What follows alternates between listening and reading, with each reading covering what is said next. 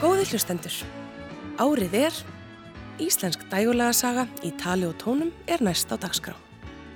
Í þáttunum er eitt ár í íslenskri dægurlaga tónlistarsögu tekið fyrir í einu. Ég heiti Sigriður Torlasíus en umsjónamenn eru Gunnlugur Jónsson og Ásker Eithórsson.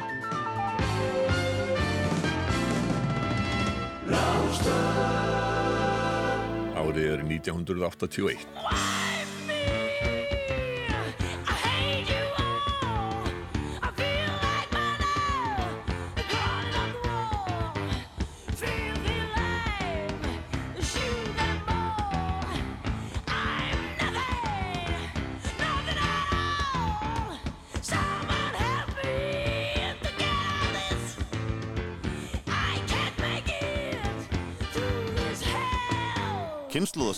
ábyrjandi í íslenska dægulega heiminum í upphafi nýjunda áratugurins. Bubi Mortens og Udagarsmenn slóðu gegn 1980 og í kjálfarið fylgdu ótal punk og nýbylgjuljónsutir.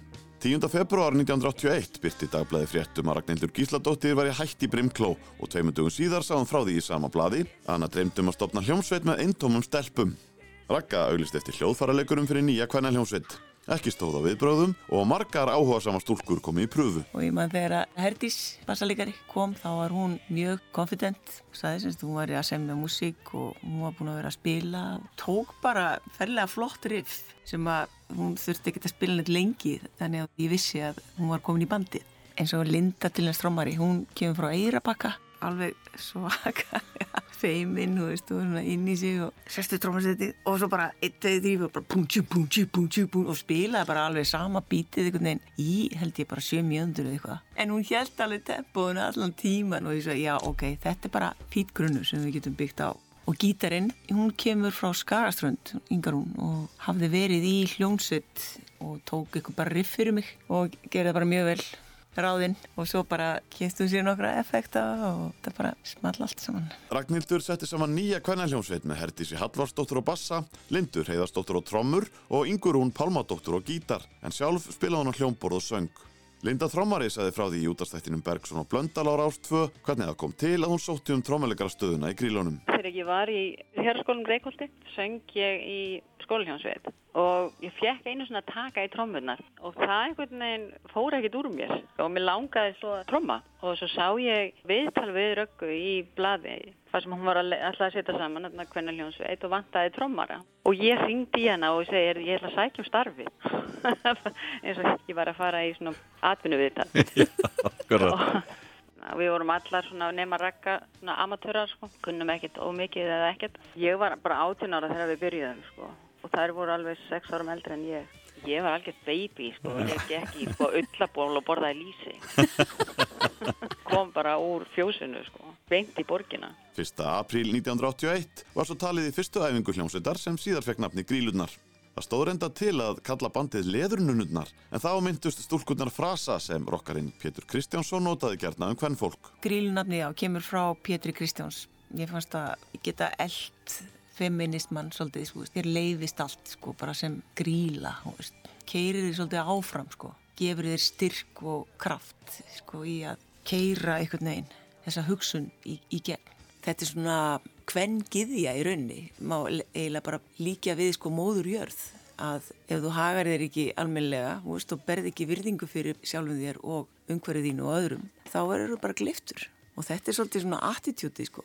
Og líka það að vera bara þessi svona hven giðja, svona stór kona og sterk, er ekki með neitt múður. Grílurnar tróðu upp í fyrsta sinn aðeins tíu dögum eftir fyrstu æfinguna en margir voru á því að grílurnar hefðu alls ekki verið tilbúinar til að spila á tónleikum á þessum tímapunkti. Já, við spilum þannig í Östubæðabíói og þetta var bara skjálfilugu performance hjá okkur og dómatnir voru þar að leiðandi bara sangjarnir en ég var ána með að hafa kickstarta þessu svona hressilega sko. Bara ég manni svo bara gerist áðan þegar ég kom á æfingu, veist, daginn eftir og þær voru bara grátandi og ég segi bara þetta er ekki mál.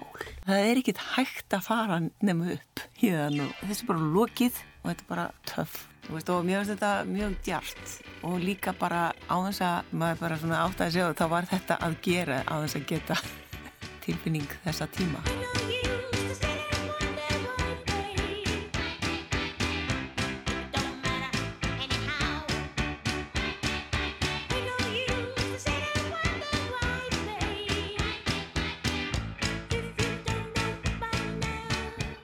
Grílunar notuðu næstu mánuði vel til æfinga og tónleikahalds og um haustið hljóðrituðu þær fjögur lög sem voru gefin út á 45 snúninga 12 tómi plötu í desember 1981 á vegum Spors, nýstóttnas dóttufélags hljónflutuútgána Steina HF. Upphaft lag þessar fyrstu plötu hljónstarinnar er Fljúum herra eftir Jóhann G. Jóhansson og með því er óhætt að segja að grílunar hafi tekið flugið. Linda Björg Hreiðarstóttir, trommuleikari, rifjar upp. Það fyrsta sem kemur upp í hugan á mér var trommufílið þegar við vorum að semja lægið.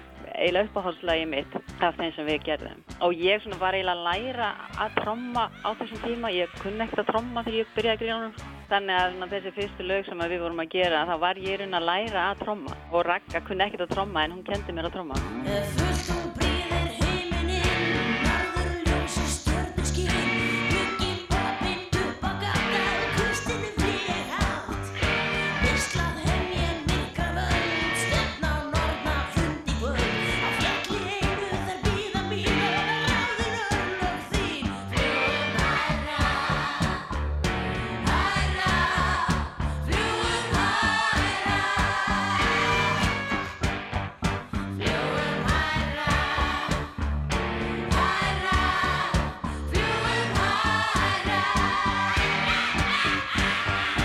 Þessari fyrstu afur grílana var vel tekið og tónlistablaðamæðurinn útaskonan Andrea Jónsdóttir skrifaði dómum plötuna í þjóðviljan 12. desember 1981. Grílurnar eru að vísu ekki bestu hljóðfæraleikari í heimi eins og fólk gæti kannski haldið af ofansögðu en sem heild eru þær þræl góðar og samstiltar. Þær lögðu að stað sem rockljómsveit og það eru þær svo sannalega og mikið helviti eru þær skemmtilegar. Með þessari plötu hafa þær sínt að þær duga og þar með útilókum við hinmöguleikan. Fljótlega eftir að platan kom út bauðst grílunum að gera hálftíma þátt fyrir sjónvarpið sem jók hróður þeirra til muna. Ragnhildur Gísladóttir var valinn söngkona ásins 1981 í árlegu vinsaldavali dagblasins og úrslitin voru tilkynnt á stjörnumessu sem haldinn var í mars mánuði 1982. Framtíðin var því björt fyrir þessa fyrstu kvennarokksveit Íslandsögunar.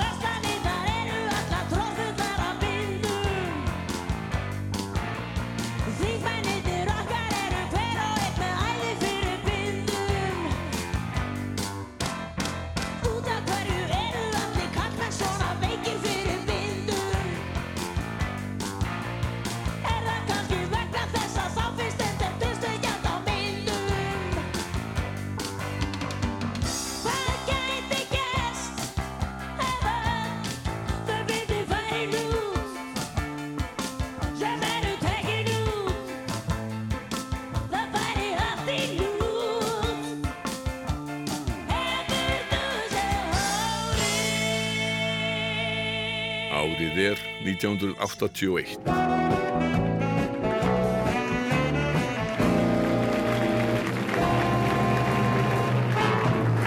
Gott kvöld, það líður senn að því að langþráð stund rennur upp. Úslita þáttur söngvakeppni sjónvarsins er þegar hafinn. Við höfum tíu lög hér í kvöld og við ætlum að velja þrjá vannlegustu söngvana, þrjú bestu lögin. Söngvakeppni sjónvarsins var hleyft af Stokkonum 1981. Sjónvarpið auglist eftir lögum árið áður og 500 lög bárust í keppnina, en 30 voru valin til flutnings í 5 þáttum. Tíu lög keftu til úrslita 7. mars í beitni útsendingu og Egil Ólafsson var kynir. Hundrað manns voru í domnemnd sem var staðsett í sjónvarsal og auk þess 400 til viðbótar við svegarum landið.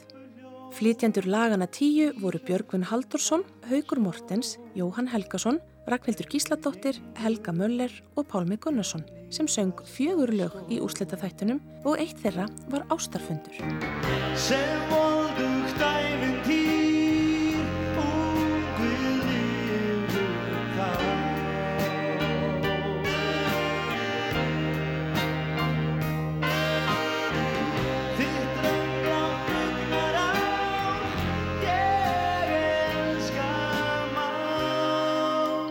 Þegar úrslit lágu fyrir kom í ljós að Pálmi Gunnarsson hafði sungið öll lögin í efstu þremur sætunum. Í þriðja sæti var lægið á áfangastað eftir Vigni Bergmann fyrrum gítarleikara í Jútasi. Í öðru sæti lægið Ástarfundur eftir Yngva Stein Sigtryggsson en sigurlægið var af litlum neista sem vann með miklum yfirbyrjum. Oft má finna atviksmá sem orsögnir að kynna. Það markar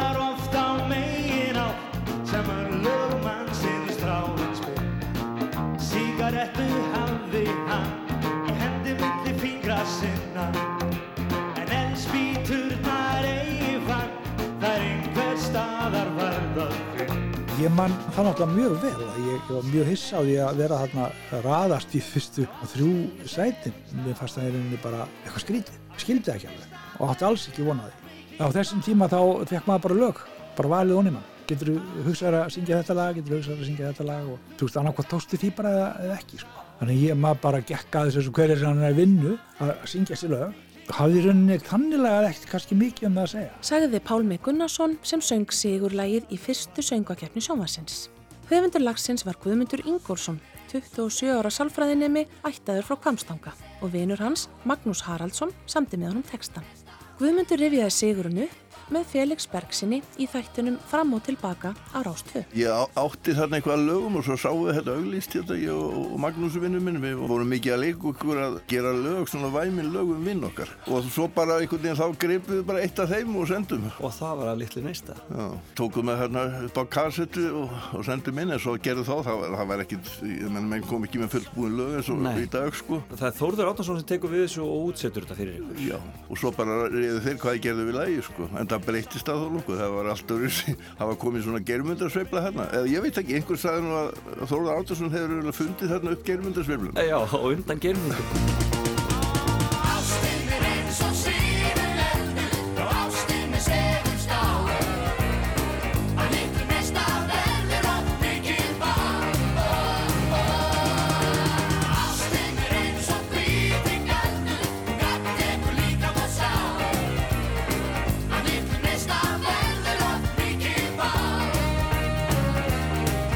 Sigurlag söngvakeppni sjónvarsins af Litlum Neista sem var vinsælasta lag ársins í útvarpi allra landsmanna 1981. Jón Ólafsson útgefandi setti allt á fullt og gaf lagið út á smáskifu aðeins tveimur vikum síðar. Við útgáfu Litlu plötunar var tilkynnt að Pálmi væri að leggja drög að breiðskifu. Hún kom út í lok mæ og fekk nafnið Í leit að lífskeiðum. En Pálmi er á þeirri skoðun að það hafi verið mistök að ráðast í stóra plötu með svo skömmum fyrirvara. Ég hef alveg geta verið á það sko, að gera þessa plötu. Ég hef verið fínt að gera tekjalega plötu. Býða með einhverja stóra plötu, en það var bara einhvern veginn, maður var bara svona stattur inn í þessari búblu að það þurfti að fylgja velgengnin eftir með þessum hætti. Það þurfti að leita lögum og það eru lögarna sem ég get svarað að ég man ekki einu sinni eftir þeim. Það var verið að gera þetta á stuttum tíma og það var ekki verið að vinna þetta eins og ég myndi sjálfur vinna sko í dag og í svona setjum tíð hef, hef vunnið. Það er að segja að við erum ekki að láta frá því fara eitthvað sem ert ekki ánægð með. Tvö efstu lögin í söngakeppninni voru á stóruplötunni, auk laga eftir Magnús Kjartansson, nafna hans Eiríksson og Jóhann G. Jóhannsson. Sá síðastnemdi átti sjö lög og eitt þeirra var titillagið Í leit að lífsgæði.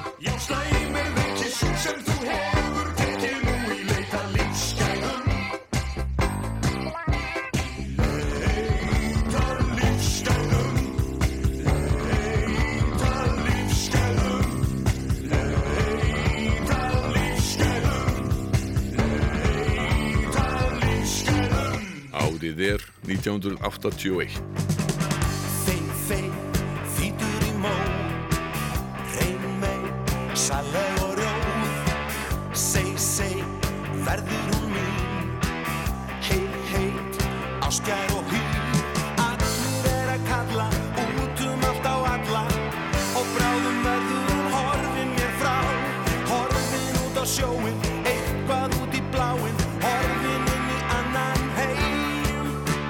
byrjaði á því að ég og Sögi gítarleikari við vorum búin að brasa mikið saman og vorum í bandi sem að hétt Octopus held ég að verið. Þá vorum við komni með Jonna Ólafs bassa og spilaði hann lengi með Petri Kristjáns. Þeir eru svona næsta kynslu og undan og okkur fannst við vera svona bara bastleik og þetta var eitthvað óðarlega vonlust. Sögi sagði, getum við ekki bara prófa að tala við Petri Kristjáns? Hann er hættur. Við getum örgulega plataðan til að byrja aftur. Og svo bara ákvað hann að slá til. Þar með fengum við byrjundu báða vængi. Fengum hann hennan leiðtóa inn og sem var með náttúrulega ótal sambund.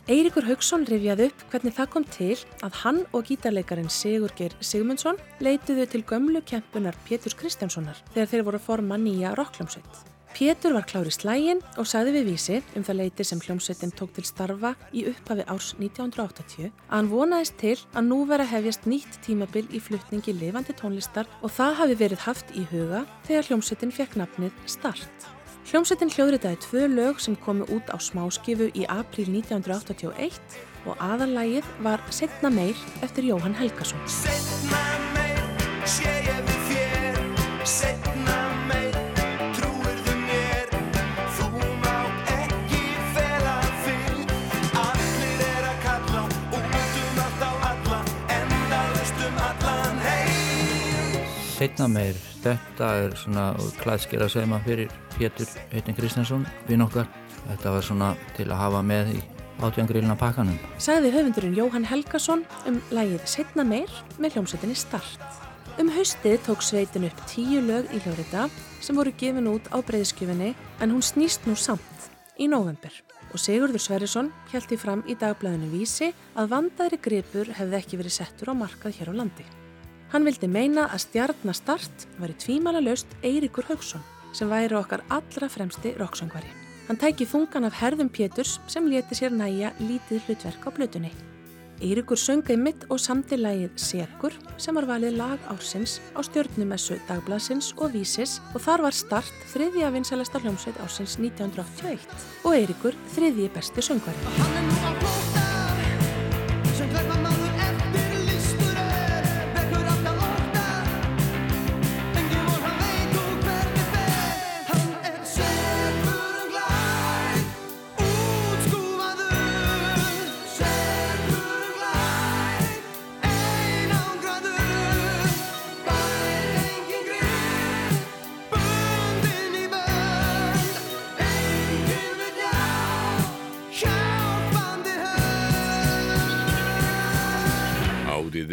1981.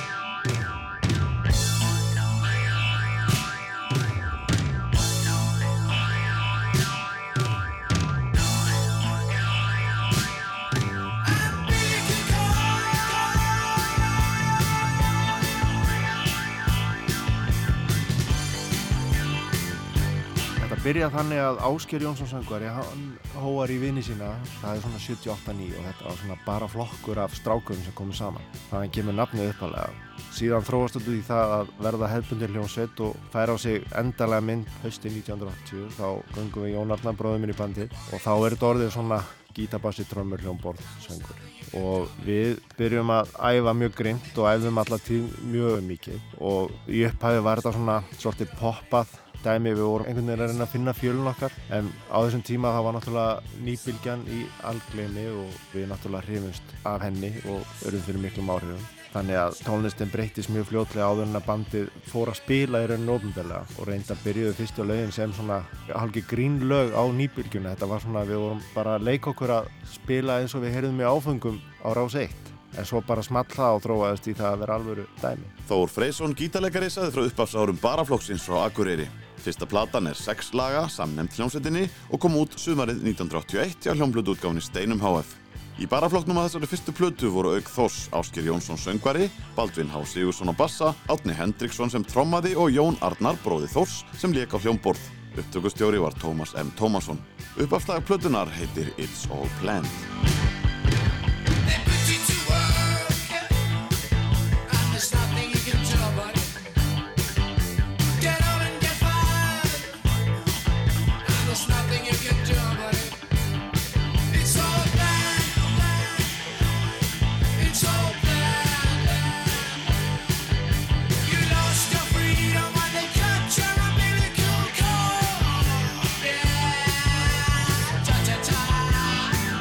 Cha-cha-cha. Baraflokkurinn og uppafslag fyrstu plötunar It's All Planned eftir Þór Freysson og Ásker Jónsson. Það er óvægt að segja að Bubbi Mortens hafi verið örlagavaldur í hljómsveitinni. Já, við eigum honum allan mikið að þakka sko. Hann kom norður og spilaði, held tónleika í, í, í nýja bíói og okkur bauðst að spila með, hitu fyrir hann. Þetta voru utakarsmeðrendar og hann reist það mikið að hann hafði sambandi við Steinar og, og bara sagði þú verður að heyri í þessu bandi og, og, og eftir nokkra viku voru konum með plötsamling. Þannig að það var svona fyrir hans, hans tilstilli að, að við fengum, náðum eirum svona snakkaralega hérna fyrir sunna.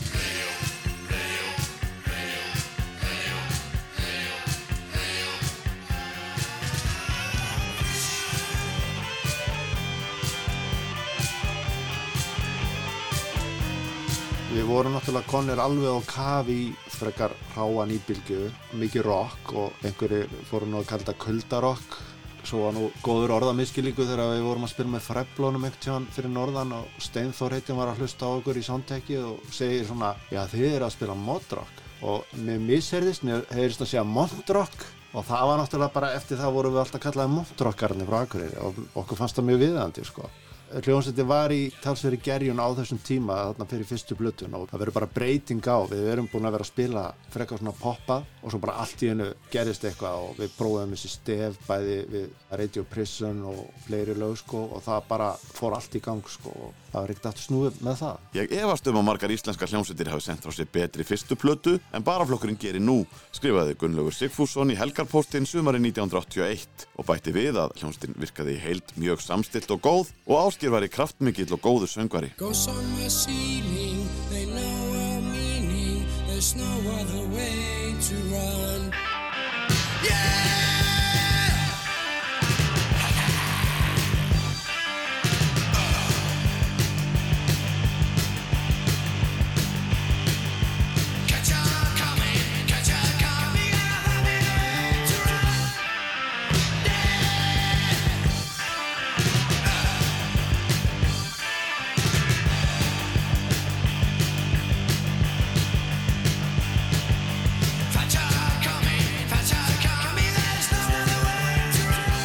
fyrsta platan fekk mjög góða viðtökur og seldist bara mjög vel.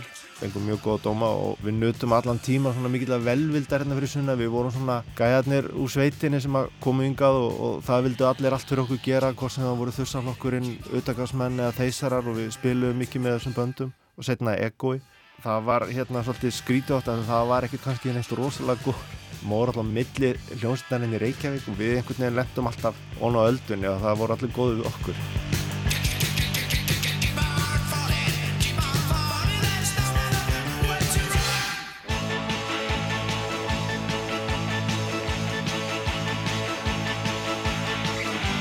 Fjölnistahópurinn Kamarorkestar var skipaður Íslandingum sem voru við nám og störf í Kaupmannahöfn og árið 1981 sendi hópurinn frá sér sína fyrstu plötu, Bísar í banastöði.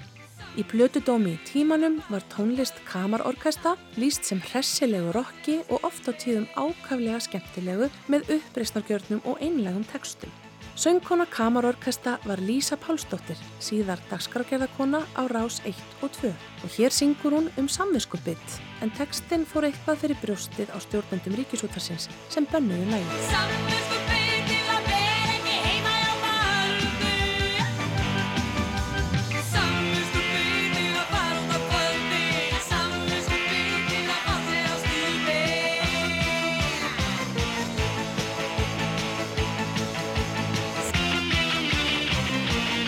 Árið er 1981.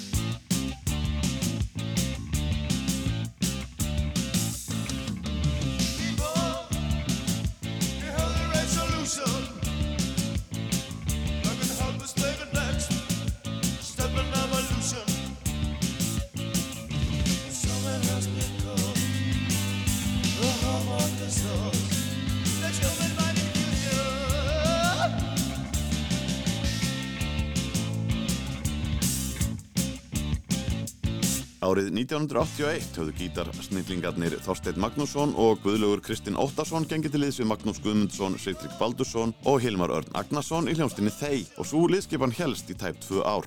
Strax í upphafi ásins hljóðritaði hljónstinn Þeir tvö lög í stúdíu stemmu, Lives Transmission og Heima er best sem kom út á smáskifunni útfrimi í apríl og við heyrðum brot úr finnemda læginu. En það var mikið æft sko, menn voru rosa áhuga sami sko. Og það spruttu þetta lögin upp hjá þeim félagunum Magnús og Hilmar. Þeir voru duglegastur að semja og við svona reyðumst á þetta síðan saman á einhverjum æfingum og nóðum þetta í einhverjum mót. Þeisarar voru duglegi við tónleikahaldum sumarið og ímyndasmiðirnir Guðni Rúnar Agnarsson og Hilmar Örn Hilmarsson sáu til þess í samvinnu við bandið að tónleikasveitarinnar voru mikið sjónarspil og stórkostleg upplifun. Samhliða því hljóðritaði hljónstinn fjögurlög til viðbótar sem kom át á tíu tómi plötu undir nafninu Yður til fóta í september. Þessar tvær smáskífur þeissara voru gefnar út að nýstofnuðu fyrirtæki Hilmas Arnar og Guðna Rúnars sem kallaðist Eskvimo Svo fyrri í samstarfi við hljómdeild Fálkans en yður til fóta var útgefin og dreift af Eskimo. Þá stopna þeir útgöðu fyrirtæki Eskimo sem gefur út þeisara en Einar Rörd Bendisson og, Ásmundur Jónsson sem var með þáttinn með Gunnar Rúnari, þeir stopnaði annað fyrirtæki sem heitir Gram. Sigtryggur Baldursson, trommuleikari þeisara, sagði frá plötusölunum Guðnar Rónari Agnarsinni og Ásmundi Jónsinni sem voru líka umsjónamenn hins virta tónlistatháttar Áfanga á Rás 1 sem áhuga mennum nýja og framsakna tónlist hér á landi fylgdust með í viku hverri. Guðni stopnaði plötuútgáfuna Eskimo sem gáði þeir og Ási stopnaði Grammið sem gáði Purk Pilnik og þeir vinnirnir voru því samkeppni í plötubransanum. Það var nú allt saman í góðu held ég. Það var svona smá keppnið, þetta var smá keppnis. Þeisaraplatan Yður til fóta fekk mjög jákvæða viðtökur hjá íslensku rockpressunni og þar mátti meðal annars lesa að lögin fjögur væri hvert öðru betra. Unarslegt var ég að heyra hver tónlistasköpunin var í ferskja hljómsveitinni og að þeir væri í sínum besta formi. Í næsta tóndæmi sem við hlustum á er Magnús Guðmundsson söngvari Tetrukkin.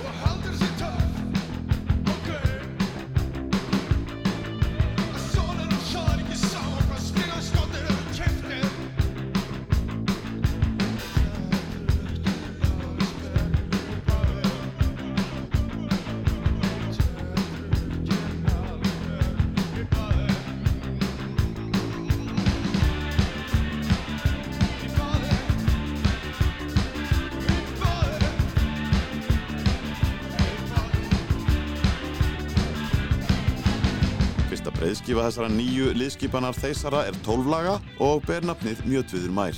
Platan kom út undir lok ás 1981 og var tekin upp í hljóðurita í Hafnafyrði í september og Tony Cook stjórnaði upptökum. Það var mjög gaman. Hann hafði alls konar hugmyndi líka með alls konar pælingar í sambandi við upptöku og hafði mikið gaman af þessum tilhörnakendu pjössum sem við vorum. Vorum alltaf í ídónum eitthvað og fram á hengjaflýinu og taka upp til mis trommusándið, fórum með trommurnar inn í sko hinn endan á hljóðrita það sem var bara óinnréttað steinherbyggi til að fá meira ekko, meiri hérna háaða af því að okkur fannst rýmið inn í hljóðrita að vera alltaf dögt. Við vildum bylta þarna og sprengja upp norminn og gera tilhörnir og hann hafði bara mjög gaman að því að komið þennan leik með okkur og var ofinn fyrir öllum okkar crazy hugmyndum og hjálpaði okkur bara að framkvæma þær. Þú ert að tala við Úlf, þú ert að tala við Úlf, en ekki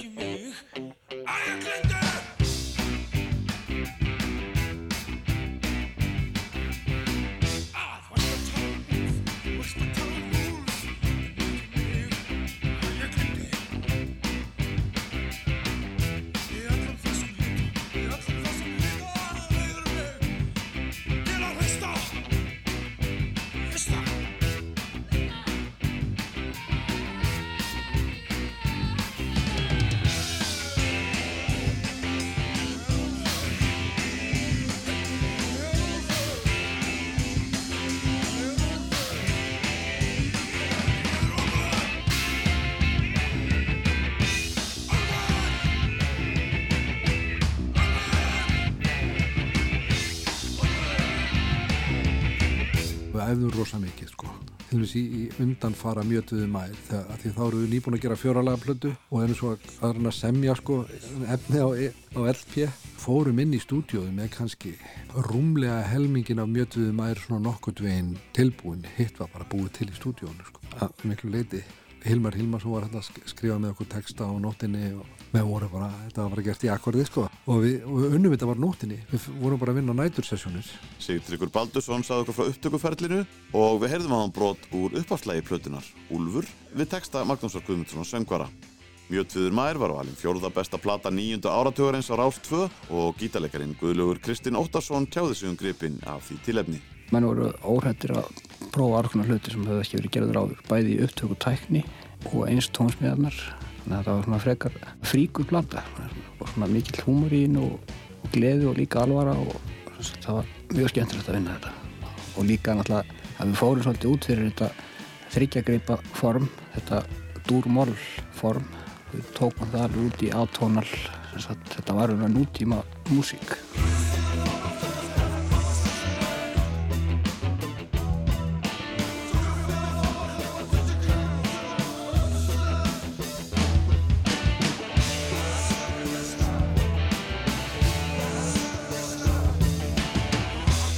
Gaggrínendur dagbladana voru flesti sammálum að hljómsnið þeir væri skipuð nokkrum af bestu hljóðfæraleikurum Íslands. Sigurður Sverrisson skrifaði í dagblaði Vísi að mjög tviðu mær var tímamóta verk og útnefndana lang bestu íslensku plötu ásins. Jón Viðar Sigursson sagði í dómi sínum í þjóðvílanum að hvergi væri veikan blett að finna á plötunni og þeisar er ættu fáa sína líka hér á landi. Hann var líka sammála Sigurði kollega sínum í því að sveitin væri önnur af tveimur bestu hljómsdur landsins, hinn væri þussaflokkurinn. Þá lendi Mjötvuðumær í öðru sæti í vinsaldavali dagblasins tímans yfir bestu íslensku plötur ásins og laun Tetrukkin og Rúdól með þeir voru á topp 10 yfir vinsalustu lög ásins í sömu konnun. Hilmar Örn Hilmarsson, ímyndasmiðu þeisara, samti texta við 6 af 12 lögum plötunar og það er óhætt að segja að hljómsveitin hafi vakið bæði aldáðan og nextlan sem magnaðist í báðar áttir þegar myndbandi við lagi Rúdólf var ofinberað í heimildamindinni Rock í Reykjavík árið síðar. Tekstina Rúdólf, þetta er mjög magnaði teksti, hefur lestan. Fólk skildi hilsar ekkert hvað við vorum að öskra þarna og lappa í gæsagangu upp á bestastöðum, skilur, það setti þetta ekki saman í samhengi, sko, þetta væri einhver ádela og fasisma. Við erum sko æstum það frekar upp en annað sko eða sumir sérstaklega í hljómsdýni sem vildu nú bara æsa fólku. Menn vildu vera sjokkera svolítið sko líka, það var alveg element sko og líka bara þetta sko, okkur lesið ekki textana, það var svolítið skemmtilega ungeðislegur hróki þarna í gangi líka.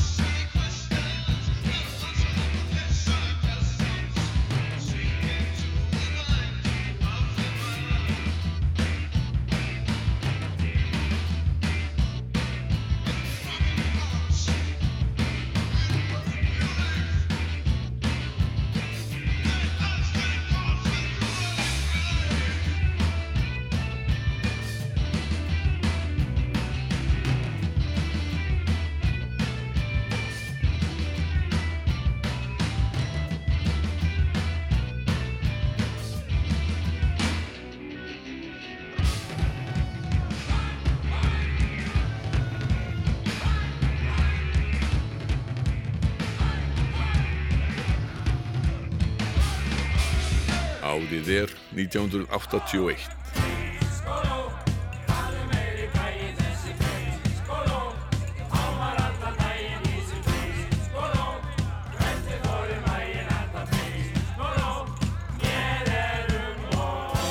Það er Þorgjör sem að færi þessa hugmynd og menn svona já, jú, jú, það var spáðið þetta. Svo var bara var lagt á stað. Gunni Þorðar fengið til þess að og Þorgjör fann fullt af lögum og... Það var það indislegast að vita. Þeir voru að syngja sko í fyrsta skiptu á æfinir Já. á blötu, báðir, bæði Þorgir og Maggi og það voru lögin sem virkilega sprung út af þessar blötu. Það voru lögin þeirra. Ragnar Bjarnason og Magnús Ólafsson rifjuð upp þegar sömargleðin ákvað að taka upp lög fyrir hljómplötu eftir að hafa verið starfandi í áratug. Platan fekk nafnið Sömargleðin syngur og við heyrðum Magnús Ólafsson syngja Prins Pólo. Magnús og Þorgir Ástvaldsson bættust í hópin 1980 en auk þeirra skipuðu Sömargleðina Ómar Ragnarsson, Bessi Bjarnason og Ragnar Bjarnason og þeir fóru í hljóðrita voru 1981 undir stjórn Gunnars Þorðarssonar. Þorgir Ástvaldsson rifjar upp. þá sjá uppgötu við það að þessa fyrstu blötu sumargleðinar vantar það sem að Ragnar Bjarnarsson var nú þjóðkunnur fyrir hvað sem hún líkaði betur að verð það voru sjómanalög Þorgeri var falið að finna sjómanalag og eftir að hafa gramsað í plötusafninu sínu fann hann lagið Innamorati með ítalska söngvarunum Toto Cutugno sem söng sigurlagið í Eurovision nýja árum síðar.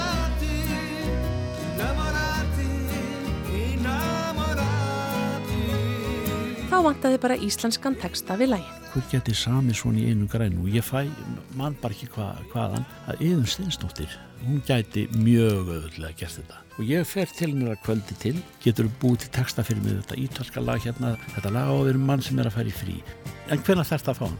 á eftir á, á vantar hann ég veit ekkit hvernig hún fór af því en hún skilaði mér þess að hátegi daginn eftir Ljósin á ströndu skína skær Skipið þeim óðum færist nær Og þessi sjóferð endi fær Íslenski textin hafði titilinn Ég fer í fríið og nýliðin Þorger Ástvaldsson söng þetta eftirminnilega lag sem var eitt af vinsalustu lögum ásins 1981.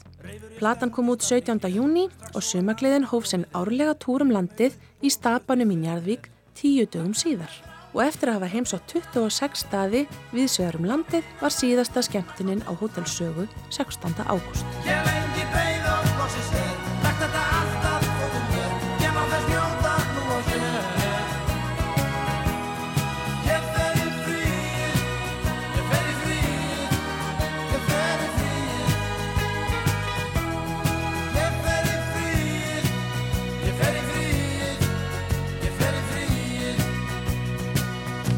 Árið er 1981. Hvernig rann allt hvort eða Hvernig það dugar ekkert til Hvernig rann allt hvort eða Punktur, punktur, komma, strik Í sumarlokk frumsýndi Friðrik Þór Friðriksson hérna afar sérstæðu stuttmynd sína Brennunjálsögu í Háskóla bíói og hljómsveitin Þeir spilaði 20 mínútna frumsami tónverk undir myndinni. Þrjár íslenskar kvikmyndir í fullri lengt voru frumsýndar 1981. Útlægin, vikingamynd Ágúst Guðmussonar, kom í Austurbæði bíó 7. oktober og á öðrum degi jóla var kvikmynd um hérna uppátæktarsömu tvíbura Guðrúnar Helgadóttur, Jón Ott og Jón Bjarnar frumsýnd í leikstjórn Þráins Bertelssonar. Þá var kveikmynd Þorstens Jónssonar punktur punktur koma strik eftir samlemndri bók Pétur Gunnarssonar frumsýnd um vorið í Háskóla bíói. Valger Guðjónsson samti tónlistana fyrir myndina og í fyrsta skipti á Íslandi kom út plata með lögum úr kveikmynd.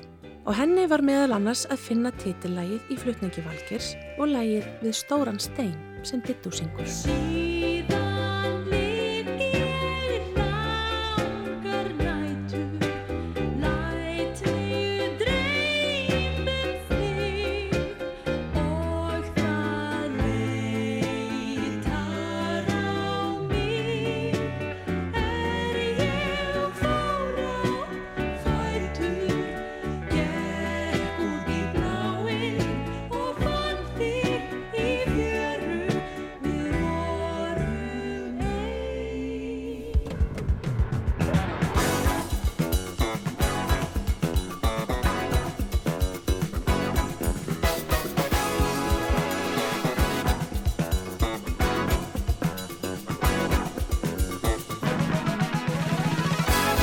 Mezzoforte hljóðritaði sína þriðju plötu því líkt og annaðins í Nóa Svít hljóðurinn í London í september 1981 og hún kom út undir lok ásins. Þarna er ákveð að við förum til Englands til að taka upp í fyrsta skipti, við hefum aldrei gert það áður. Og þarna sem sagt komumst við í fyrsta skipti í hvað alvöru stúdíumhverfi og tökum þessa plötu og hún er svona einhvern veginn sko, svolítið öðruvísi en þetta er allt svona, þú veist, við erum alltaf að verða skárar og skárar sko, einhvern veginn og þroskast og mörguleit ágætt plata en svona einhvern veginn ekki vantaði en þá einhvern herslumund. Við heyrðum á hann titillægið því líkt og annaðins eftir Eithor Gunnarsson en hér eru við komin að stað í ferðina til Draumarlandsins eftir Friðrik Karlsson.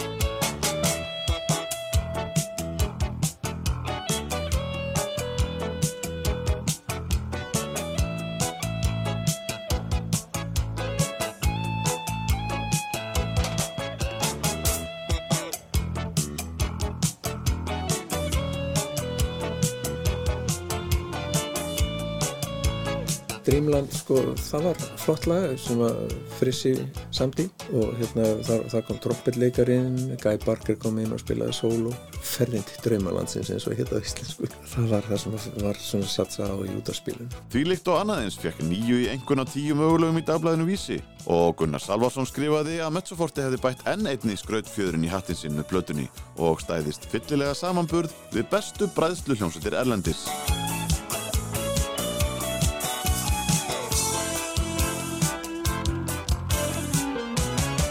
Árið er 1981.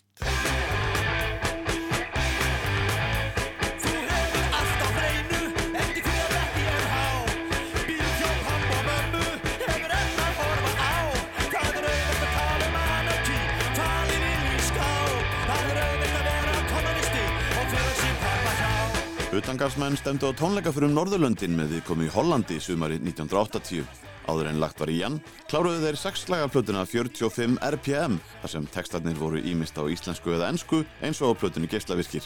Platan kom út í apríl og hljómurinn á 45 RPM var miklu hrárri en á geislavirkum, en það reyðu strákarnir sjálfur hvernig platan var hljóðblönduð, þannig að þeir hljómuðu nánast eins og þeir gerðu á sviði. Platan fór í efsta sæti á plötulista landsins og lagið Fugglin er flógin fekk nokkra spilun á gömlu góðu guðunni.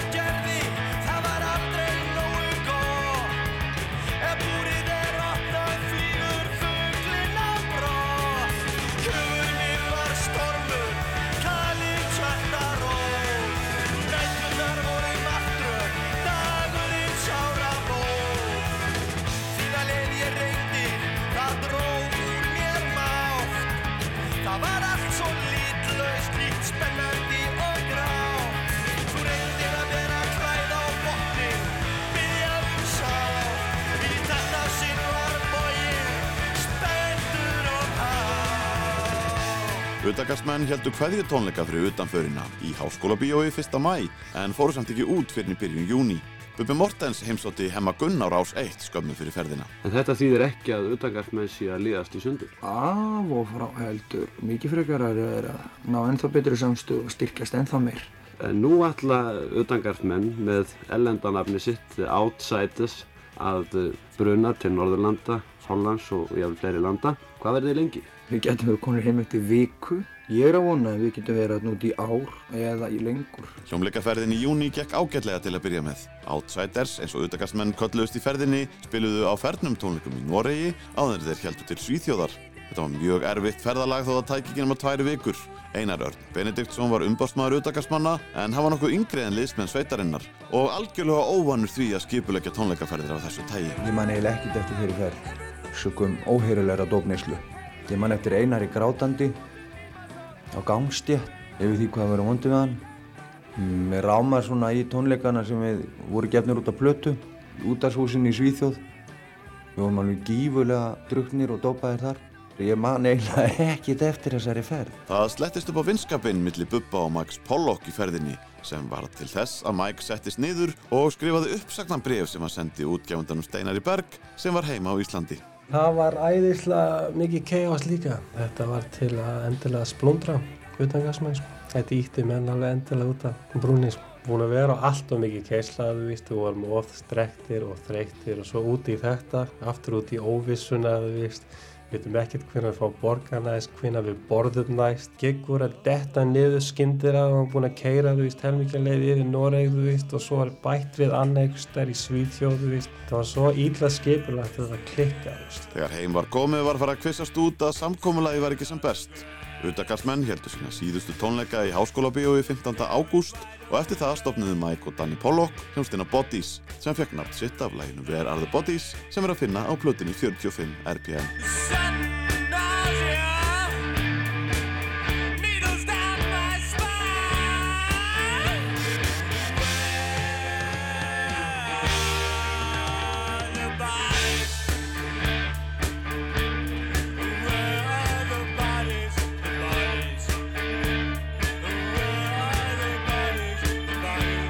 Árið er 1981.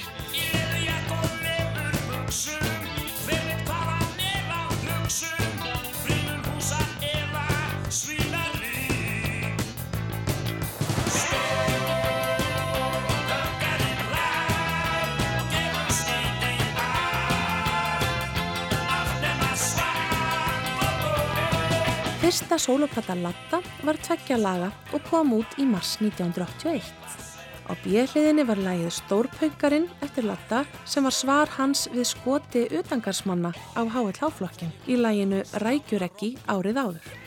Latti kynnti til leiks nýjan karakter, Eirík Fjallar, í áramótaþætti sjónvarsins 1980 sem hemmi Gunn stjórnaði. En áramótaskaupið fjall niður það ár vegna verkfallsleikara. Þá hittust þeir fyrst, Eirikur Fjallar og hemmi. Og Maggi Ólars var þarna líka og svo voru bara tónlistamenn, söngvarar. Það var ekki beint áramótaskaup, þetta var svona... Nei, tónlist og, og Andri Sindriðarsson gerði þetta og svo voru við að leika svona inn á milli einhverja sketsa og svoleiðis ég og, og Maggi. Já, því við vorum ekki konir í leikarafélagi þá. Latti sagði Óla Palla í Rokklandi á Rástfö frá frumsynningu Eiríks Fjallars sem vekti mikla lukku meðal þjóðarinnar.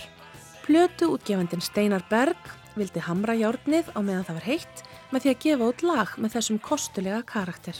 Úr varð að lægið á aðliðinni á smáskifinni var Shut Up Your Face eftir bandaríska tónlistamannin Joe Dolce. Latti hafði áður samið íslenskan texta við lægið og í flutningi Eiríks Fjallars hétta Skammastuðin svo.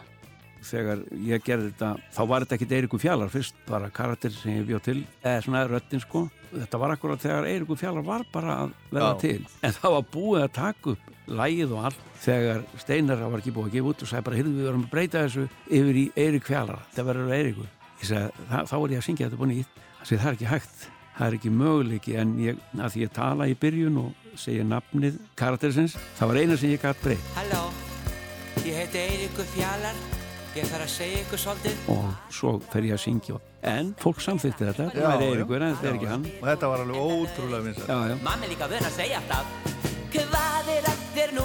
Heiði vantar alla grú Ertu eitthvað sár? Það streyma niður tár. Þetta er ekki neitt. Þú getur þessu breytt Æ, og skammastu þín svo Á sama tíma á þessi litla tveggjalaga plata kom út var Latti við upptökur í hljóðrita fyrir sína fyrstu stóru sólaplötu. Gunnar Þórðarsson stjórnaði upptökum. Latti ætlaði sér að gera alvarlega þjóðlega plötu en Gunnar var ekki alveg á sama máli. og ég gaulaði með gítarinn og þetta og leta hann heyra og hann sagði bless, þetta er hundleðilegt maður, þetta er engin lust á þetta maður, við gerðum eitthvað grín maður hann bjóst við gríni bara og þannig að ég endur skoðaði þetta allt saman og að já, þetta er alveg rétt í ánum þetta er of þungt eitthvað svona textarnir og það, eins og ég ætlaði að gera það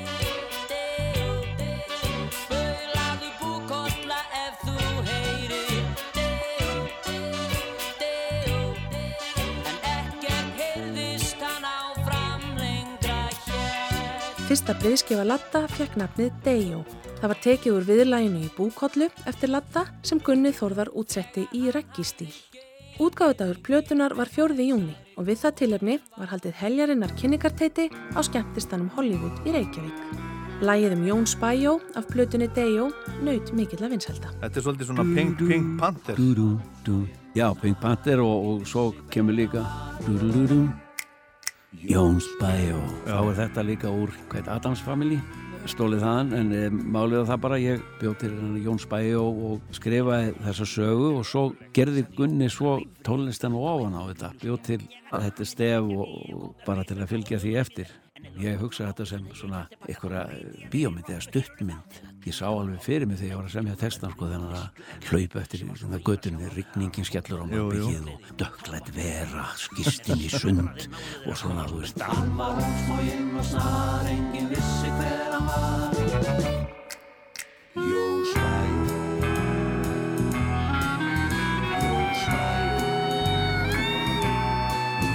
Í Spæjó. Árið er 1981.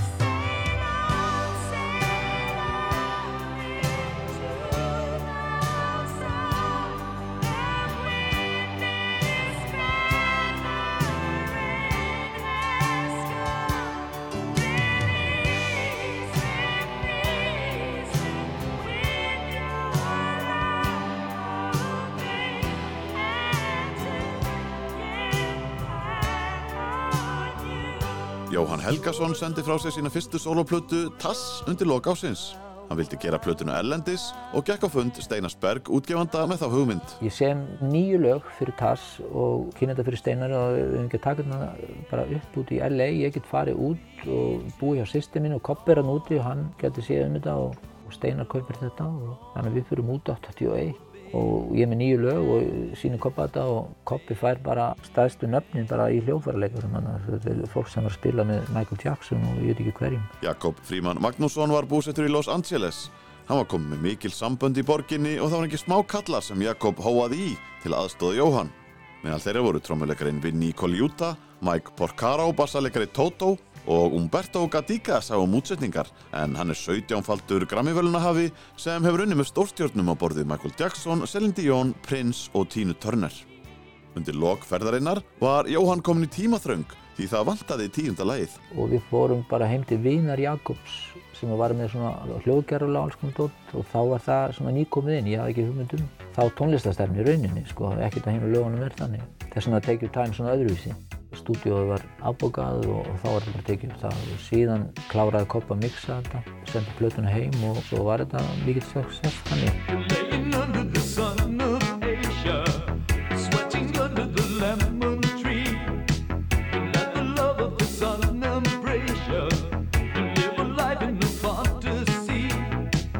Jakob Magnússon sá um allan hljóðfærileiki Take Your Time sem var unnin heima hjá Alan Howard, félagans í The Magnetics.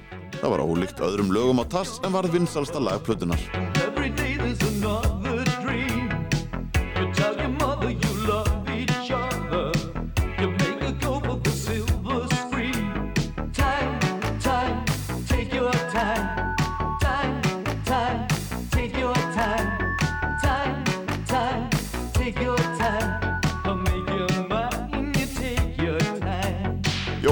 Bjarnason sópaða sig velunum á stjórnumessu dagblasins og vísis fyrir tónlistarárið 1981. Hann var valinn söngvari og lagahöndur ásins, Tass var hljómplata ásins og Take Your Time næst vinsalasta lægið. Platan fekk góða dóma og í tímanum stóð að Tass var í tvímanlaust ein af bestu íslensku plötunum þetta árið. Mikill metnaður hefði verið lagur í plötuna og sérstaklega söngin, þar sem Jóhann var í topp formi eins og herðist í læginu Seas Done It Again. Þetta er eina er lagi sem er helst líkt Billy Joel og sem er heldur endur þetta væri, væri Billy Joel. Og það er doldið mikið að gera með píjónuleikin og hvernig þetta er handlað og þetta fer ómikið alltaf þetta er búin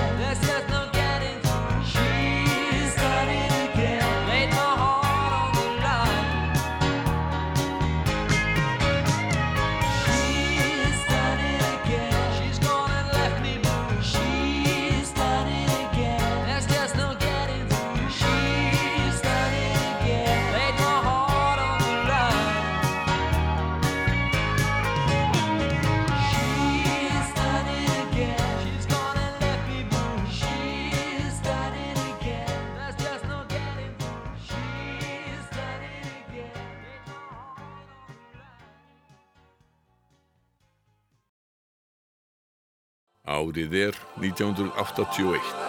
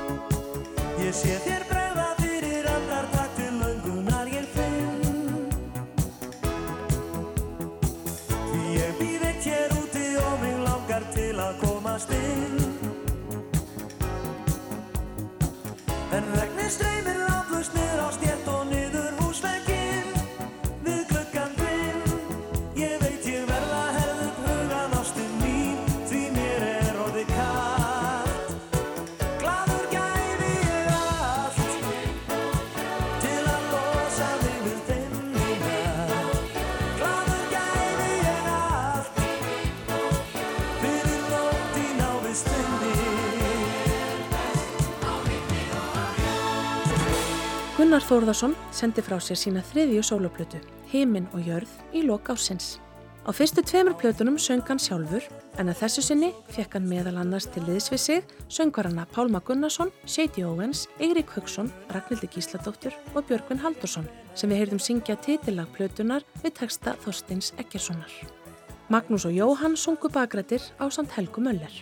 Það var ekkert til sparað við vinslu plötunar.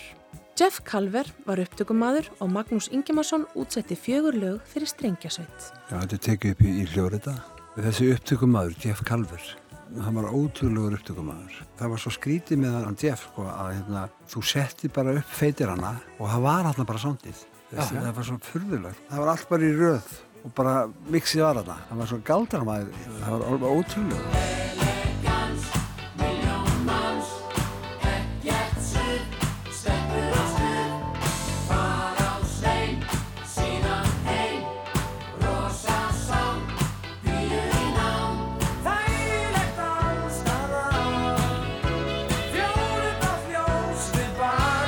Fjólublátt ljós við barinn í flutningi klíkunar sem voru Þorger Ástfálsson, Bryndís Geðing og Dagný Emma Magnúsdóttir. Gunnar samdi lögin 10 í júli og upptökur hófust í hljóðrita í ágúst. Um það leiti sem upptökur voru að klárast í september fættist Gunnari og Tóbi Hörmann konu hans drengur. Þið gullfallega lag þeitt fyrsta brós var tilengað nýfættum sinni Gunnars. Óluf Kolbrún Harðardóttir, óperusöngkona, söng lagið í hljóðrita en Gunnari fannst það ekki passa með hinum lögunum á plötunni þannig að hann bauð Pálma Gunnarsinni að spreita sig. Þetta er flott lag, strax, reyf mig, fallegu texti og flott útsending. Svo var bara fyrir fram á mækin og, og lagi sungin. Þetta er töff laglína. Þú ert með texta og lag sem að reyfir við þér og þú verður að láta það gossa og það gerðist hjá mér þetta kvöld. Það var svakalega upplifun að syngja þetta lag sko. Þetta er náttúrulega með betri lögun sem hafa verið, samin á Íslandi. Fyrsta bros, þín fyrstu skref Þitt fyrsta orð. Þín fyrstu tár, þín fyrsta sorg Þín fyrsta rösum Þín fyrsta ást, þín fyrsti kost Þitt fyrsta ljóð. Mér finnst þú munir fæða allan heiminn Alveg Heimin og jörð seldist í 9000 eintökum og var söluhæsta íslenska plata ársins 1981. Platan fekk góða dóma og Átni Jónsson á mokkanum sparaði ekki hrósið. Sagði hann plötuna faglega smíðaða á allan hátt og Heimin og jörð var í úrvalsflokki, hvar sem er í heiminum. Í tímanum fekk platan líka bestu meðmæli og þar stóð að vandvirknin og flutningur allur stappaði nærri fullkomnum. Vetrarsól er annað lag af plötunni sem telst með þeim bestu sem Gunnar hefur samið en það var lengi að komast á þann stall. Gunnar Þórðarsson og Bubi Mortens töluðu um þitt fyrsta brós og Vetrarsól í færibandinu á Rástvö árið 2010 en bæði lögin skarta textum eftir Ólaf Haug Simonsson. Ég bjóð þessu lögfið sko og sendi þau til Óla og hann fekk þau bæði í einu. Að hann er með þessi bæði lög á, á kassetunni hjá sér í einu. En þetta eru kannski hans bestu textar. Ég held það. Já, og kannski mín, best, Ólafur minn, og við- kannski mín við- bestu lög. Stundum hugsaðum við að gerði ég þetta, já. Þú færði mitt Já, þessa tilfinningu gagvart þínu eigin verki. Já, já, sendum. Hvers virði er allt heimsins prjál ef það er engin kér sem stendur kér er brau Ég hef stundum hugsað að það sko að, að bæði þessi lög, Vetarsól og þitt fyrsta brós, ég sem þetta þegar að Tóbi kemur til mín. Ég hef oft hugsað um það, beti, er þetta ekki bara út af því? Hvers vegna ekki? Það, það eru svoleiðis hlutir sem að hafa áhrif. Já.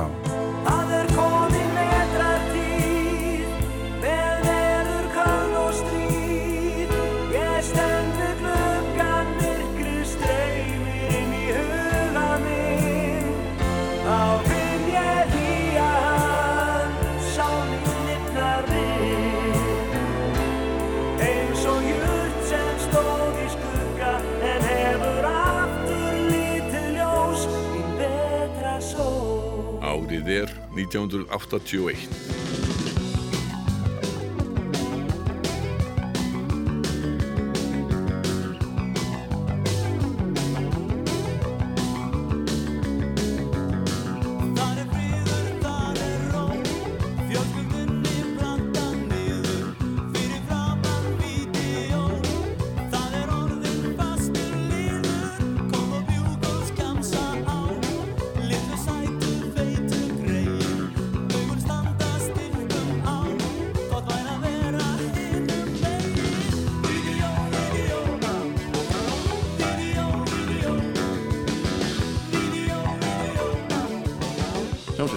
Grafík frá Ísafirði varð til eftir að dansljómsveitin Ír lagði upp laupa undir lok 8. áratugurins.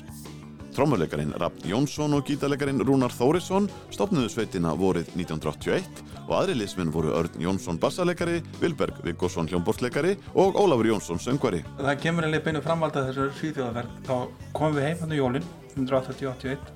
Þannig var að ég hafi keft seguband, 8 ára seguband. Þannig að og vinnum við vonum eiginlega svona fyrstir að setja upp svona heimastúdíu. Og við ákveðum að pröfa hann um jólafríinu. Fengum við að vera på lofti í félagsefni Nýrstal og fengum að taka upp þar. Það sem átti bara að vera demo til að byrja með. Það var svona þrjú lög eitthvað svona. Svo þegar komum vorið aftur, þá ákveðum bara að stopna band í kringum þetta. Þetta projekt sem vorum byrjar að taka upp. Og það var eiginlega uppistaðan úr Ír sem var í því bandi. Það er hefðilega sami kjarnin. Spilum hann að ballum um sumar og tókum upp þessa plötu. Raffn Jónsson saði Lísu Pálsdóttur frá stopnun Grafíkur í viðtalstætti á Rás 2 1997. Breska nýbylgjurokkið var sterkur áhrifavaldur í tónlistasköpum Grafíkur á uppáfs árunum eins og heyra má á fyrstu plötu sveitarinnar út í kuldan sem kom út um haustið. Hér segir Rúnar Þórisson okkur söguna á bakuð uppáfslægið Vídeó sem naut töluverðra vinselda. Hugmyndan læginu var til í félagsefnin Hýstal þar sem vorum að djamma ég, Rappi Jóns trommari og Örn Jónsson bassaleikari. Má segja að hljómsveitin hafi eiginlega orðið til í kringum þessa tilrunni með þessa tónlist. Þetta lag, það er kannski enginn svolítið af sterkri bassalínu og taktföstum trommuleik og grípandi viðlagi en það var þetta fyrsti smellur hljómsveitarinnar. Tekstan söndum við þrý líka, ég, Rappi og Örn en hugmyndin sko að fjalla um vídeovæðinguna var komið frá Rappa en það var hann yfirlt mjög fljótur að tilinga sér það sem nýtt var á hverju stundu.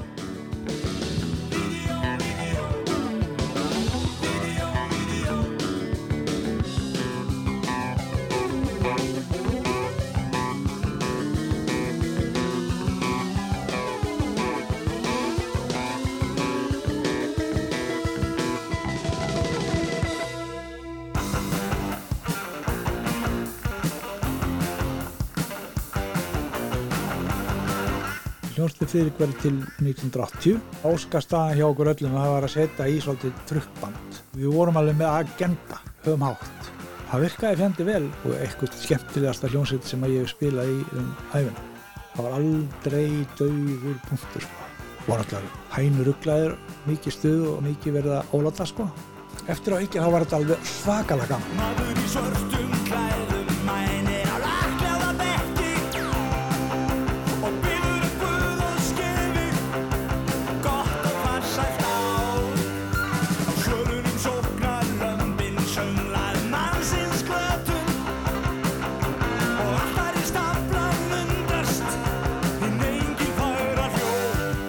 Gunnarsson rifjaði upp hvernig hljómsveitin Friðrik var til.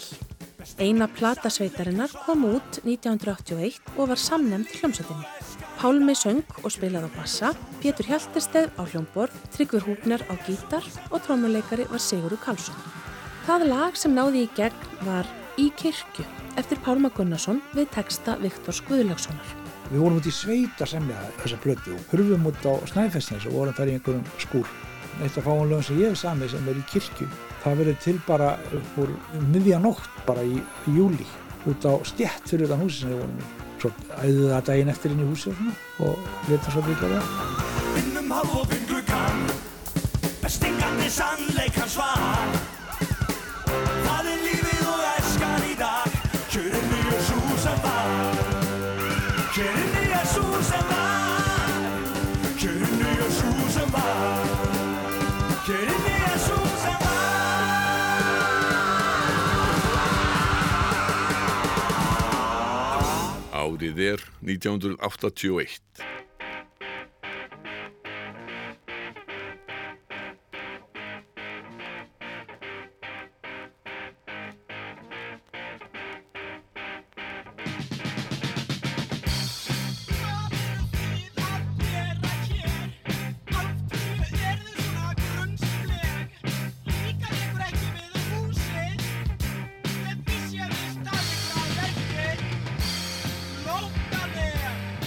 það er ekki fyrir en um, um uh, vorið 81 að það er eitthvað menningarkvöld upp í MH og Bræi var þá komin úr Vestlunarskólanum upp í MH. Frikki var í MHI og ég stakk upp að við myndum búa til einhverja tónlist fyrir þetta menningarkvöld og, skráðum okkur það til leiks. Og ég manni ég fekk mónitorkerfi utakarsmann að lána það í þetta dæmi til þess að við getum æft okkur hann í norðurkjallarinn. Og spiluðum tveimutugum setna og þá atvikaðist það þannig að ég ætlaði bara að sjá um hávaða á einhverju effektatæki frá hann og Danna Pollock nema það að Áskis að þú syngur og það var stungið uh, mikrafón í samband við þetta hávaðatæki og þannig atvikaðist það nú að, að ég var allt hérna komin með mikrafón í hendurnar og, og látið standa upp á sviði. Einar Örn Benediktsson saði frá tilurð Purks Pilnik í útastættinum Punk á Íslandi. Hljómsveitin Purkur Pilnik var til í mentaskólanum við Hamrallíð í mars 1981. Einar var þá nefandi í MH og auk þess umbóðsmaður utakarsmanna. Hlutinni gerust ansi hratt því Einar söngvari, Bræi Ólarsson bassaleikari, Fridrik Elleksson gítarleikari og Áskir Bragarsson trommuleikari æfðu í fjóra klukkutíma 8. mass og sömdu á þeim tíma nýju lög, þráttur er að kunna mismikið á hljóðfærin og spiluðu svo tónleikum á menningakvöldi MH í Norðurkjallara daginn eftir 9. mass. Sveitin hittaði svo nokkur sinnum upp fyrir utakarsmenn næstu vikurnar og einum mánuð eftir stopnun var Purkupilnik komin í hljóðverð til að taka upp sína fyrstu blödu.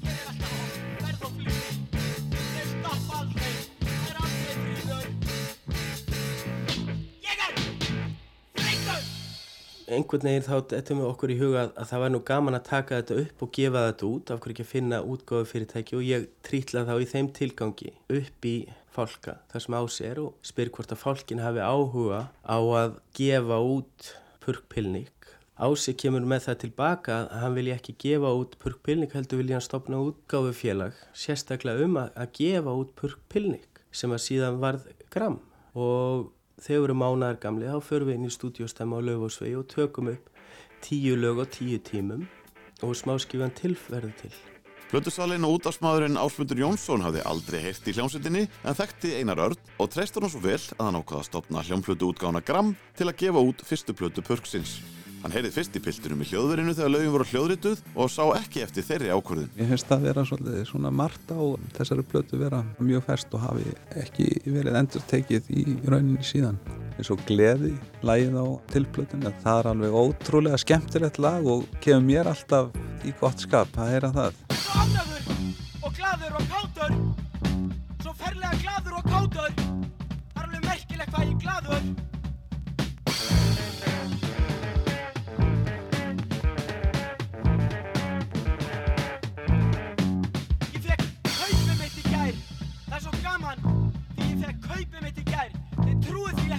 Purku Pilnik vakti mikla aðtikli á fyrstu mánuðunum eftir að sveitin var stopnuð.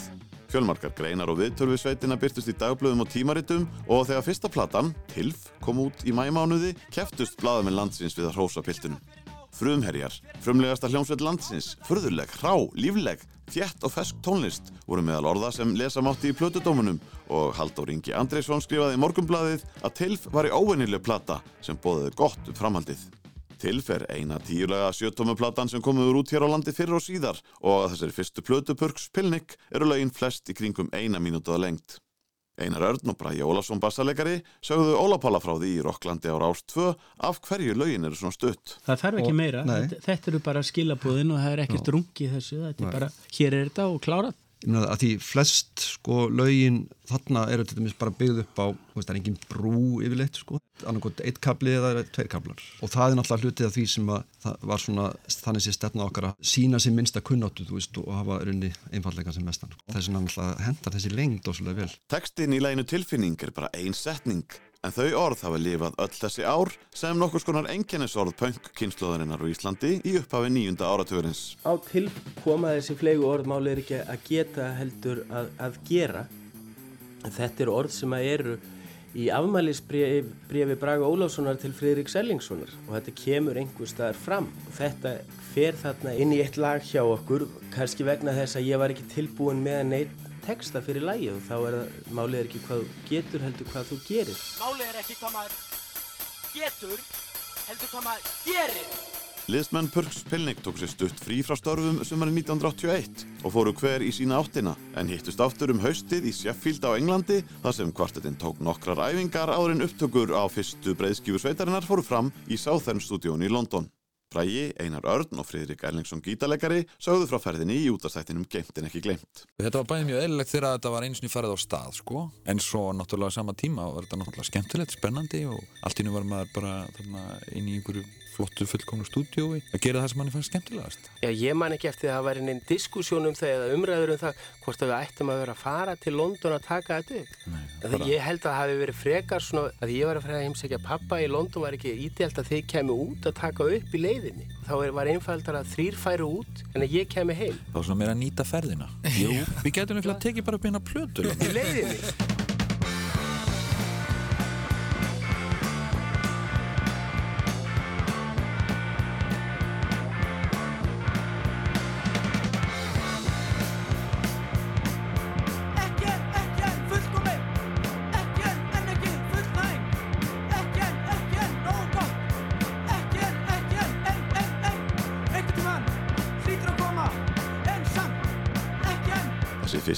plata Purks Pilni kom út í november 1981 og fekk góða dóma hjá rock-skrýbendum landsins. Sigurður Sverrisson hjá Dagblæðinu skrifaði að framfæriðna frá Tilf væru undraverðar, öll lögin á ekki enn væru aðteglisverð, mörg þeirra vægast allt helvíti góð og sum frábær. Páll Pálsson og Helgarpóstinum sagði Purkin vera eitt af merkilegasta sem fram hefði komið í íslenski nýbylgju á árinu og í tímanum átti lesa að ekki enn væri mun heilstettari og slípaðri en fyrir plata og allur hljóðfærleikur á plötinu væri mjög góður.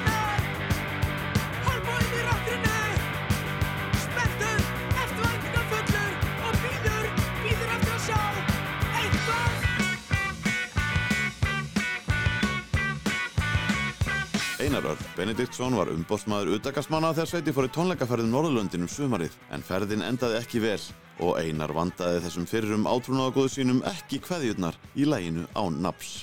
Þessi teksti, hann er skrifaður í raun og veru um samskipti mín við hljómsveitinu utangarsmenn. Það gerðist eitthvað fyrir utangarsmenn sem ég vil helst ekki vera að tala um en... Þú allavega komst sár frá leik. Já, ég var svolítið pyrraður á þeim.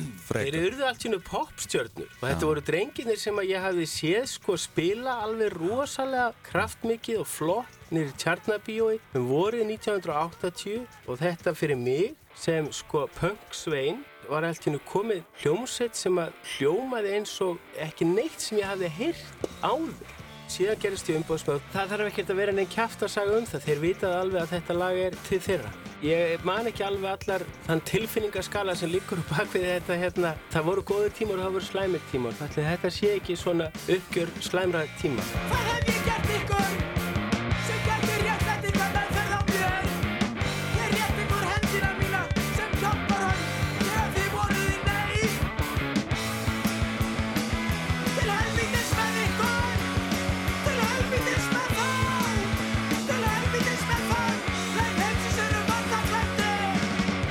Nó að gera hjá pörkinum við tónleikahald veturinn 1981-2 og mikil sköpunargleiði á æfingum sem skilaði fjölmörgum nýjum lögum á tónleikadaskrána. Við tókum bara til við spilamennsku þegar við komum um haustið og spiliðum svona næstu því tvísvar í hverju viku. Við fórum þarna þennan vetur í alltaf mikið af félagsmyndstöðum, skólum og öðru slík. Við spilum í hverjum einasta skóla sem að möguleiki var á að spila. Tónleikar Pörksins stóttu mikil upplifun og þar hafði sviðsframkoma Einars Arnar mikið að segja.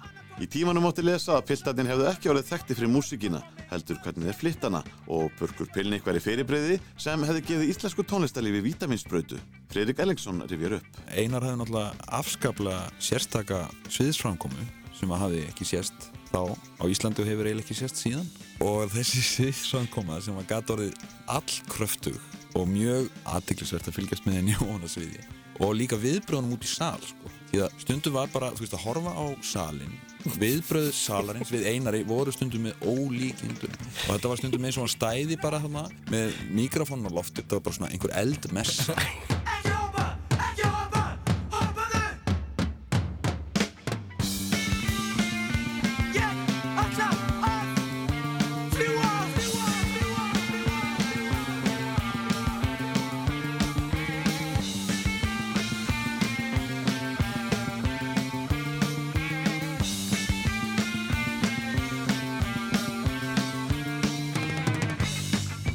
er 1981.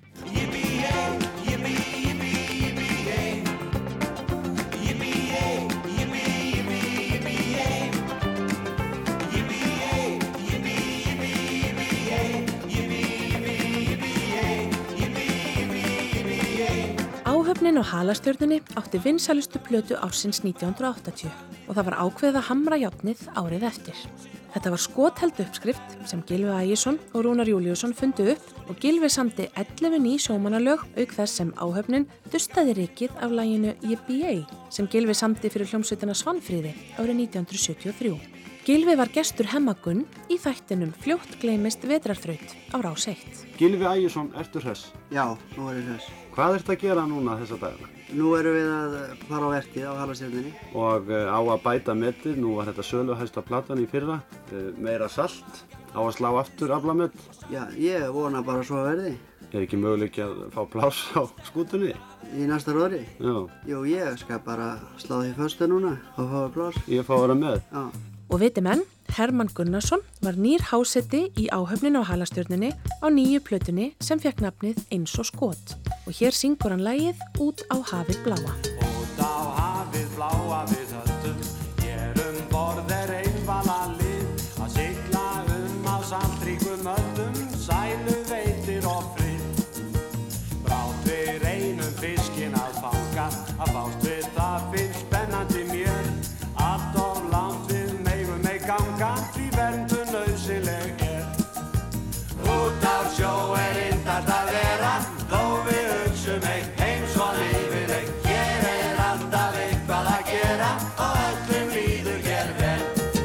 Árið er 1981. Ég hef saknað þín svo mikið Frá því síðast er ég sá þig Og ég þorði ekki að segja Hvað bjó í hjarta mér Upplifting sendi frá sér sína aðra plötu Endurfundir, sumari 1981. Líkt og á plötunni Kveðjustund sem kom út árið áður var Jóhann G. Jóhansson upptökustjóri og upptökur fóru fram í hljóðritaðum vorið. Ballaðan Endurfundir eftir Sigfús Artúrsson sló í gerð og það var Magnús Stefansson sem sá hún söngin.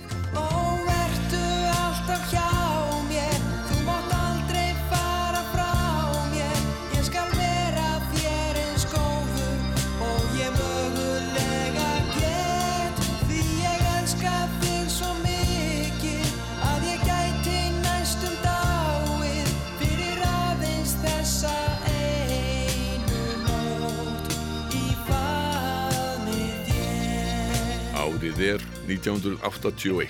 Kallar sjö úr öllum áttum eiga hafna frí. Fullir inn á fyrstu knæpu frjálsir menn á ný. Við skulum drengir drekka og slást dreipa stelpurnar. Við sem yfir fella var Bubbi Mortens hljóðritaði sólarplötuna á pláuna áður en utangarsmenn fór í tónleikaferðina örlegaríku um Norðurlöndin. Platan kom út í júli 1981. Við heyrðum brot úr læginu Bólivar eftir Bubba við ljóð Kipling í þýðingu Magnúsar Áskessonar. Pláan fór í efstasæti sörulista Vísis og var þar í sjö vikur. Lægið Segulstöðar Blues sem Bubbi samti við ljóð eftir Þórarinn Eldjátt átti stóran þátt í vinsaldum plötunar.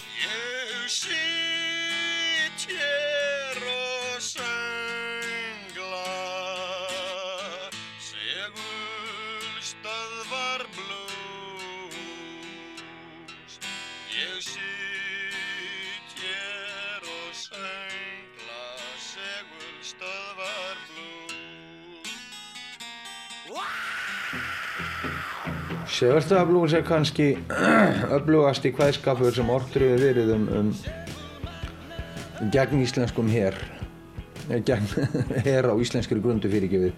Þórarinn Eldjárn alveg, alveg merkjaður ljóðahöfundur. Þegar þetta er tekið upp sko, þá er ég alveg óbókslegri dópkjökslu með utangarsmönnum alveg svakalegri. Og ég tek þetta upp snemma sumars eða setniparti vetrar áður en við fórum í Skandinavíutúrin okkar. Þessi plata var svo langt á undan sínum tíma að það er, það er alveg makalöst þegar maður skoðar það.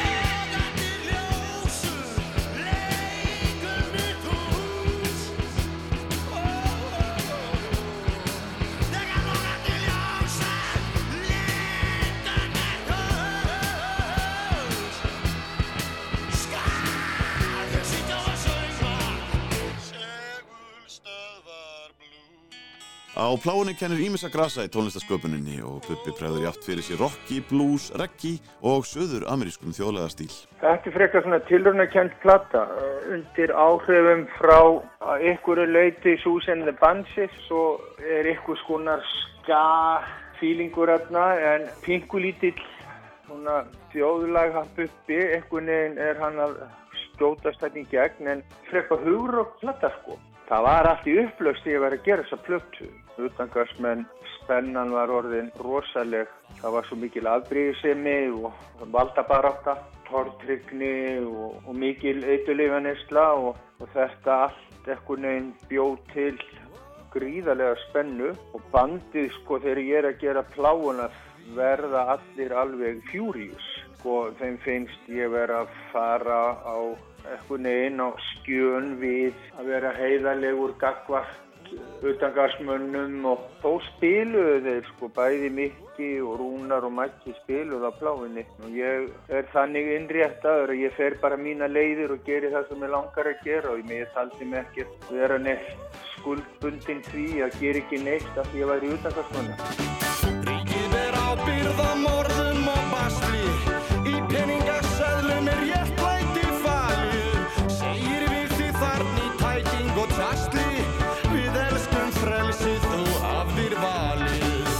Pláan var valinn plata ársins í vinsættavali lesenda dagbladsins Tímans og þar var Segulstöðablús lag ársins og titilæðið Pláan í þriðjasæti. Platan fekk þó mísjafna dóma og Magnúsi Gilva á tímanum fannst hún til dæmis sundulös og leiðigjött með fyrstu hlustun. Haldur Inga á morgunblæðinu fannst bóðskapu textana á breyðskifinu of einhefur, neikvæður og þunglindur og lögin misgóð, sum frábær en önnur ekkert sérstök, en sem heilt var í platan góð. Eiríkur Eiríksson á dagblæðinu saði plötuna vonbreiði eftir frábæra byrju með Ísbjarnablús og auðdagarsmönnum en pláma væri þó vel unnin og vel leikinn plata. Gunnlaugur Siffússon skrifaði hins í plötudómi í helgarpóstinum að pláan væri með því besta sem gert hefði verið hér á landi í langan tíma.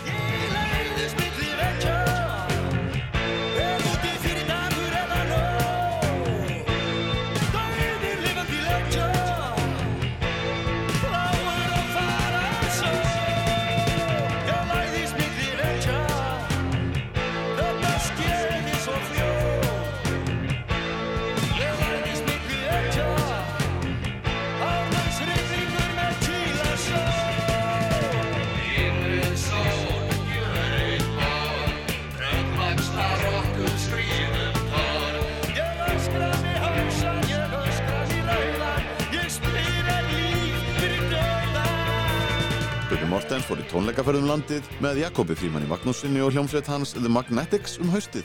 Jakob sagði frá því í þættinum Greenland Pop á Rás 2 hvernig það kom til. Steinar Berg, sem var náttúrulega minn útgefandi, spyr mig, sko, ég með hann Bubba Mortens, ég er í smá vandræði með hann, hann er svona millibils ástandi, þá er eitthvað auðvitaðgarsmenn hættir og hann vissi ekki alveg hvert þú heldur bara, þannig að hann hoppaði með í ringin og kemur fram í, í miðju sjói þegar við erum búin að vera með tölvupoppið allt og hérna og við erum með vissjóla með þessu. Í miðju sjói setjum orgel, kirkjorgel, sound á syndana og tek brúðarmarsinn, kastljósi beinist að hinum enda salarins, þar er Bubbi Mortens í fullum brúðarklæðum. Og þetta dótti fýblalegt, sko, fýblalegur túr og ég var í klættur upp eins og Jakob, alltaf í búningum, sko. Ég var ber og ofan með brúðaslör og þú veist, þetta var alveg bara surrealist. Kemur gangandi inn með uppblásna kynlífsdúku undir hendinni og gengur upp á svið, tekur nokkur lög og síðan brestur á með poppunkti, spurningakeppni. og sá sem að sigrar í henni á hverjum stað, hann hverfur á brott og fær að kynnast uppblásnu dúkunni. Þetta var náttúrulega absúrt leikur stöða, sko. Og Jakob reyfið upp tónleikatúr hljómsveitarinnar The Magnetics um landið haustið 1981 en Bubbi þekktist bóð Jakobs um að slást í för með þeim. Duettinn The Magnetics skipuðu Jakob og félagi hans Alan Howarth og þeir voru að kynna tónlist af plötu sinni Historic Glimpse of the Future þar sem hvað við nýjan elektróniskan tón.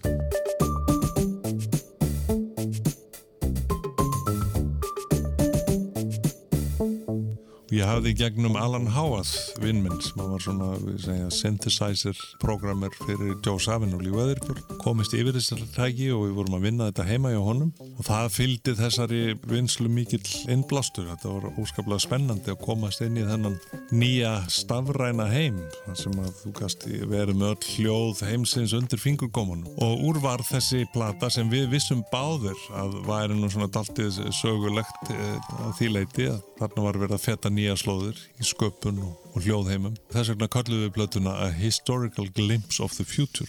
Söguleg insýn í framtíðina. Jakob og kærasta hans Anna Björns höfðu gert heimildamynd um Brasilíufarana, landflotta Íslandinga sem setti stað í Brasilíu á 19. öld og tónlistin á plötunni var að mestu notuð í myndinni, líkt og Shanghai Stripper sem hljómar hérna undir. Á plötunni var einnig að finna annars konar lög sem voru ekki í myndinni eins og lagið Súkulaði sjúkur. Súkulaði, súkulaði, súkulaði, sjúkur Eittar búk og sóli karamellu, karamellu, karamellu Kandís í kramarúsi, kramarúsi, kramarúsi Rjómís, súkulaði sem ég vil Það sé ég setja ekki til frá lundu Sirius, Sirius og lunda Sirius, Sirius og baldur Súkulaði sem ég vil Það sé ég setja ekki til frá lundu Plataðið Magnetics var ekki eina hljónplatan sem Jakob gaf út þetta árið. Því um vorið kom út platan Jack Magnet sem var á nafni Jakobs Magnússonar.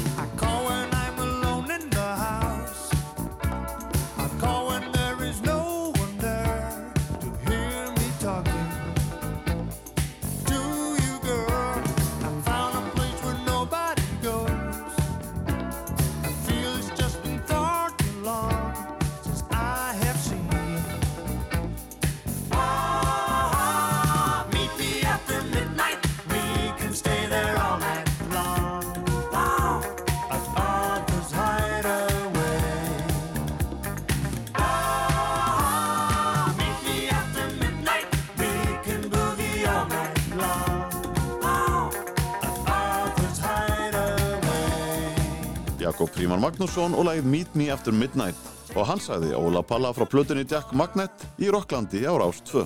Jack Magnet plata er eiginlega svona konceptplata. Þetta er bara svona ævi skemmtikraft sem að hefur það atvinnu að, að laða að sér málmhluti og gætur yfirnáttúrulegum hæfileikum. Umslagið á plötunni Jack Magnet er eftirminnilegt. Útgefandi Jakobs, Warner Brothers, hafði milligöngum að fá hinn heimsfræga Storm Þorgersson í hönnununa. Storm hafði gert umslög fyrir mörg af stærstu nöfnum 8. áratugurins, til dæmis Wings, 10cc, ACDC, Peter Gabriel, ELO og Pink Floyd og hann á heiðurinn af umslaginu á Dark Side of the Moon. Þá tóku þeir þessa mynd, þarna, blesa hann upp, stungu göflum í hana, eins og sé verið að stinga göflum í holdið á mér og tóku síðan mynda því. Þetta var svona þeirra vingil á þetta að geta laðað að sér málmhluti. Ég var aldrei með það í huga menn löðu það sem nýfa og gafla sem gengu inn í holdið en þeir settu þann vingil á það.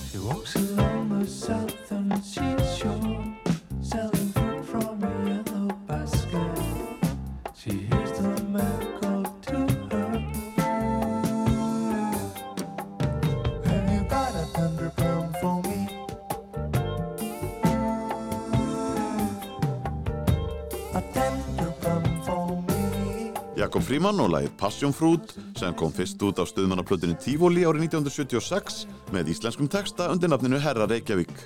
Jakob hafði fengið tveggja platna samning hjá Warner Brothers þegar hann flutti til Los Angeles sumarið 1979. Fyrir platan, Special Treatment, kom út það ár og Jack Magnet var setni platan en hún kom ekki út í bandaríkjunum því það voru breyttar aðstæður hjá fyrirtækinu árið 1981. Þarna voru vatnaskil hjá Warner Brothers þegar þær lögðu niður jazzdeildina og allt, allir sem starfuðu þar voru látnið fara og all prófið þeim sem voru í gangi þegar það var ekkert gert meira með þau. Þannig að um, þessi plata kom ekki út í Ameríku í, í þeirri mynd. Á plötunni er að finna lagið I Can't Get Enough eftir Jakob og Sigur Bjólu sem er óður til neistlunar og óhófsins og var uppalega með íslenskum texta Æ, ó, ég fæ aldrei nóg. Supermarket sounds so sweet. Elevators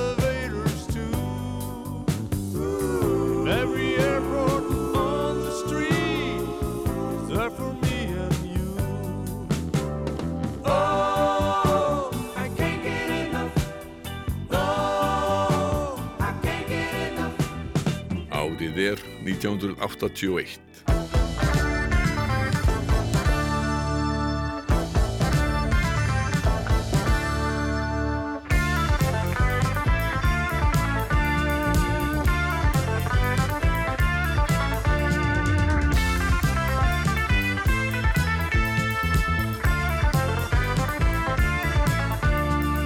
Tíma bjóð ég niður í Mississippi og sang þetta lag á 100 ára gammalt píanum. Mér er alltaf þótt skrítið að semja svona lag á þessu slóðum. Ekki er þetta suðuríkjar og alls ekki country.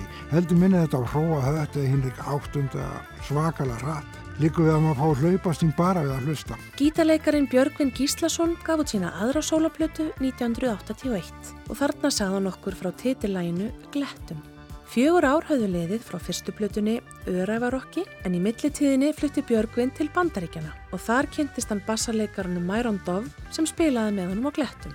Björgvin spilaði sjálfur á gítar og piano og söng líka auk þess að sjá um upptökustjórn og útsetningar en Pétur Hjaltisteð spilaði á hljómborð og Ásker Óskarsson sló trómutaktin. Andrea Jónsdóttir sagði í plötudómi sínum í þjóðviljanum að samkjand og góður fílingur mellir hljóðfæralegarana gerði glettur að þeirri góðu heild sem hann væri. Laugin 11 og plötunni er eftir Björgvin og þaraf eru 5 ósungin en 5 af 6 textum á plötunni samt í Kristján Hrinsson. Þar á meðal upphafslægi Það vantar fólk.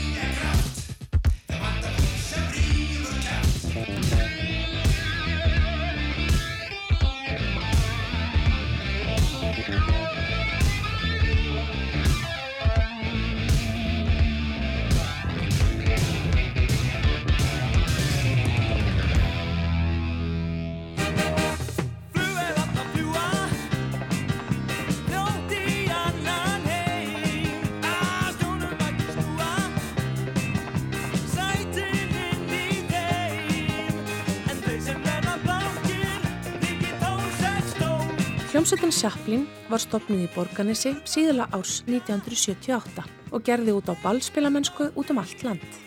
Hljómsveitin tók upp tvö lög í hljóðrita og gaf út á tveggjalaga plötu voru 1981. En þá voru Ævar Rapsson, Haldur Haugsson, Kristján Edelstein, Magnús Baldursson, Gunnar Ringsteð og Kári Vóge í Chaplin. Á A-hliðinni er lægið Tejutvist en á B-hliðinni er að finna lægið 12612 eftir húsvikingin Bjarnar Hafþór Helgason. Eva Ásrún Albertsdóttir söng með Sjaplin sömari 1980 og hún hafði sungið þetta lag með hljómsveitinni Hver á Akureyri. Hún stakk upp á læginu, Bjarni endurgerði tekstan og bandið skeitti inn í það skakabla í anda Madness. En svo tónlistarstefna var ábyrrandi á prógrami Sjaplin á þessum árum. Fljótlega eftir að platan kom út bannaði ríkisútarpi spilun lagsins því á þessum tíma 5 stafa símanúmera átti fullorðin kona í norðurmýrinni númerið 12612 og varð ítrekkað fyrir ónæði frá störblöngum löndum sínum.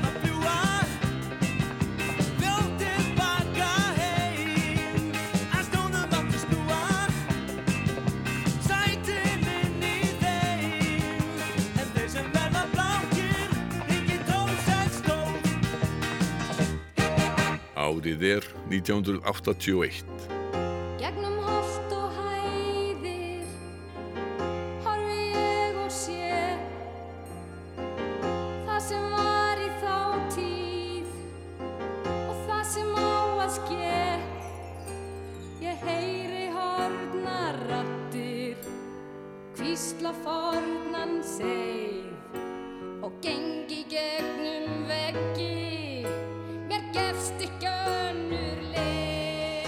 Söngleikurinn Grettir í leikstjórn Stefáns Baldurssonar var frumsýndur hjá leikfélagi Reykjavíkur undir loka ás 1980 í Östubæjabíói.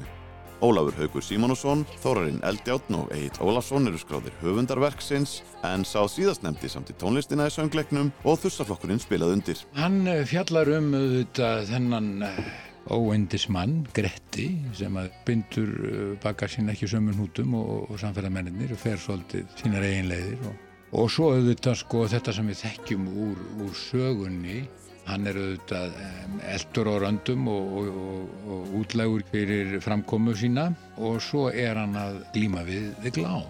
Þetta gerist í nútímanum og Grettir er á glötunar braut, einhvers konar tóllir ekki skólum og, illa og getur ekki hlýtt almennilega og rekur sig á ímislegt í sínu samfélagi. En lausnin á því er að gera hann að sjómarstjörnu af því að þar eru auga glám sem er sjómarsvélinn sem horfir á hann sko. og glámur byrtist í hennum ólíklegustu skotum og, og kynnum og gera honum lífi leitt. Egil Ólafsson saði Frey Eyjálfinni frá söngleiknum Gretti í útastættinum Geimt en ekki glemt. Plata Þursaflokksins með lögunum úr söngleiknum kom út vorið 1981 hjá SG hljómplutum, rétt áður en sýningin fór af fjölunum. Tekstana sömdu Ólafur Haugur og Þórarinn en eins og áður sagði sá Egil um lagasmíðina. Við heyrðum á hann Hönnu Maríu Karlsdóttur flytja söng Gullauga, lag Egils við ljóð Þórarins Eldjárs en lagið kom svo út árið síðar á þursaflutunni gæti eins verið undir nafninu Gegnum holt og hæðir. Þetta var ofbóðslega skemmtileg vinna. Þetta var svona við manna við sátum og kostuðum hugmyndum á milli og vorum í Lindabæ. Og svo hitti ég bandið sko. Og þarna urðu þessi lög til, meir og minna. Og kom alveg ótrúlega hratt. Ég var með fjögur, fimm lög í tækinu í einu sem bara alveg poppuðu. Og við frumsýnum verkið 14. november 1980. Og svo gengur söngleikurinn þarna alveg til sumars 1981. Þetta erum að sína allar götur og gerum lítið annað. Við erum bara að sína þessa síningu allar helgar. Og þarna er þegar Gretti líkur, þá svona er eins og bandið ætti að leggja upp laupana. Svona, það er allir búin að fá nóg hver á öðrum. Við erum þarna búin að vera saman nánast óslitið í tvö ár. Það var svona einhver þreita komin í þetta og bandið er náttúrulega orðið kvartett. Þarna sko, við erum bara fjórir í Gretti sko. Það var bara bandið orðið sko, ég, Tommi, Geiri og Þórður. Og Kalli eiginlega búin að segja skilið við okkur og Kalli farin til Vínaborgar í sitt nám. Hér heyrum við Egert Þorleifsson syngja lag Egils, Halmsöng Tarsans, texta Ólafs Haugs Simonssonar við undirleik þursaflokksins.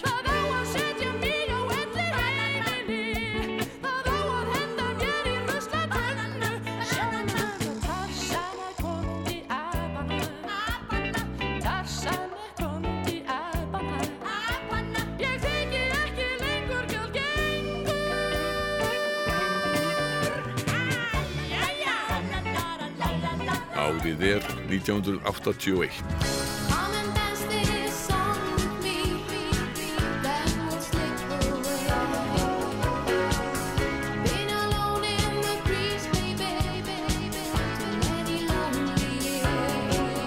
Útgefandin Steinar Berg Íslefsson var farin að leggja drauga því að koma tónlist Þú og ég úr landi strax á upphafsári duetsins 1979. Steinar sagði í viðtali við tíman í lok ágúst 1981 að öll vinna við fyrstu plötuna hefði miðast við að hún færi á erlendar markað. Smáskefa með læginu í Reykjavíkurborg kom út á Norðurlöndunum í upphafi ás 1981. Enskur titill lagsins var My Hometown við texta Toby Herman, eiginkonu Gunnars Þorðarssonar. Smáskifan kom svo út í Japan síðar á árinu og þar náðu þú og ég sínum besta árangri með 60.000 eintaka sölu. Hann fór einhverja síbjörsar ástefnu hann steina líka í ég. Þar hefðu Japanir hýrt þetta og Epic Sony í Japan og þeir vildi gefa þetta út og vildi náttúrulega fá þetta alltaf á ennsku. En Japaninni gerðu þarna tvær, þrjár, tveggjalaplötur og svo stóra plötu og þetta gekk mjög vel í Japan. You and I, eins og þú og ég nefndist í útrásinni, gaf út stóra plötu hjá Epic Records í Japan 1981. Þar voru lög af fyrstu tveimur plötum duetsins sungin á ennsku. Lag Jóhanns Helgasonar í Reykjavíkuborg ferðaðist víðar um heiminn. Finski söngvarinn Tappan í Kansa söng læði til dæmis á móðurmálu sínu og gaf það út 1983. Helppo tie ja raskas tie, umpaisenkin sain. Paras tie vain kotiin vie, viimein taivaltain. Lægið var líka gefið út í Þískalandi og þar var það söngkonan Jessica sem söng Zu Hocht gespielt eða Telt á tæpasta var.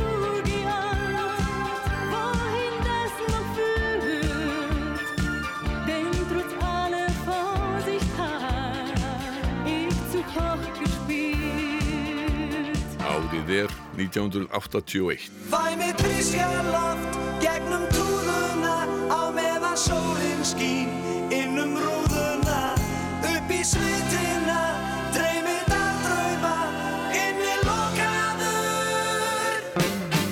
Hljómsveitin Brimkló var komin í hljóðver vorið 1981 til að taka upp sína fymtu plötu glýmt við þjóðvegin. Að þessu sinni voru engöngu frumsamin lög á plötunni og upp í sveit var annað tveggjalaga sem Magnús Eiríksson lagði til. Hljómsveitin var skipusöngvarum Björgunni Haldósinni, trimplinum Ragnari Sigurjónsinni og Arnari Sigurbjörnsinni gítalegara sem voru upprunalegi meðlimir en auk þeirra voru í bandinu Haraldur Þorsteinsson bassalegari, Magnús Kjartansson hljómbóslegari og Kristinn Svavarsson saxofónlegari. Yngvi Hrafn Jónsson fréttamaður var með þáttinn Verslun og viðskipti á Rás 1 árið 1981 og hann heimsótti Björgvin og Magnús í hljóðrita til að forvitnast um viðskiptahlið hljómsveitarinnar. Nú eru þið hér að ljúka við gerð plötu sem að hefur vantanlega tekið langan tíma og langan aðdraganda. Hvernig var þessi plata til, Björgvin? Við ákváðum fyrst að gera plötu, svo semjum við laugin, við bókum stúdíóið, þetta er svo langur listi en uh, hún var náttúrulega til út af því að við erum að fara mikla ferðum landið og viljum hafa eitthvað til þess að fylgja eftir. Aftur á móti höfum við náttúrulega séð um okkar eigin hljómsveitarekstur og þar sér Björgunum þá hlið málsins að reka hljómsveitina sem slíka, ganga frá ráðningum, dansleiki og annað slíkt sem að við kemur því og þannig náttúrulega má segja okkar frangandastjóri. Söngvarinn Björgvin Halldórsson, Frangandastjóri, hvernig gengur þetta emu? Það er nú gengið svona upp og hann. Ég sé sem sagt um allan rekstur viðvíkjandi hljómsveitarinnar og svo er ég með minn lagfræðing sem ég er í stöðum tengslu með. Hversu stort fyrirtæki er rekstur á hljómsveit eins og ef við tökum Brinkló á áskrundvelli? Á áskrundvelli ef það er spilað allt árið og, og unnið, alltaf það sé ekki svona 100 miljónir. Og eru þá inn í þessu plötuútgáðan líka? Já. Nú finn ég fyrringin Ég fyllir bílinn Það er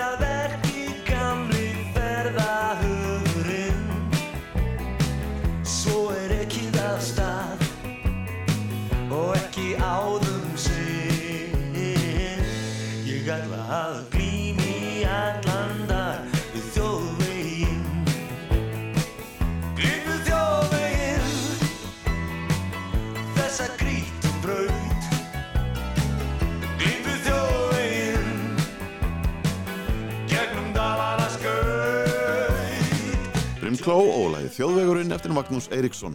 Hljómsveitin lagði land undir fót um sumarið og kallaðist landsreisan Brimkló á faraldsfæti 81. Um vorið var tilkynnt að Björgun Halldórsson fengi listamannanlaun en Gunnar Þórðarsson fekk þau fyrstur poppara 1975 og það hafði myndast svo hefð að einn poppari fengi listamannanlaun á ári hverju. Magnús Kjartansson fekk einmitt listamannalaun 1980 og eitt af þekktari lögum plötunar, Skólaball, er eftir hann. En var ekki vinsælt fyrir en nokkrum árum síðar. Allir lögðust á það að Glimt við þjóðveginn væri okkar hitt af þessari plötu og það var það sannarlega. Þanga til sko löngu, löngu setna að þá flýtur lægi skólaball upp úr soknaskipinu. Þetta gerist þannig að það eru komnar hérna frjálsu útastöðar meðal annars stjarnan sem Jón Axel og Gulli voru DJ-ar á. Og þeir hafði einhvern veginn fengið ástaf á þessu lægi spiluðu það í tíma og tíma ég hafði ekki eins og humduð ég hef bara komið hljónsveit að hótti sögu spila í, í veislum og fíneitum þegar hljónsveitin er ráðan til þess að spila í lækjagötu á 17. júni og krakkarnir fara að byggja mig um að spila skólaball og það er talið í og ég kunni nú svona byrjunna og gætt rekki upp tvær, þrjár fyrstu setningarnar en svo þurfti ég ekkert að syngja meira. Því að 20.000 manns sungu þetta og ég gætt lesið á vörunum textan Ég sá hann á skólaballin í gær Og allt í einu var sem minningin skær.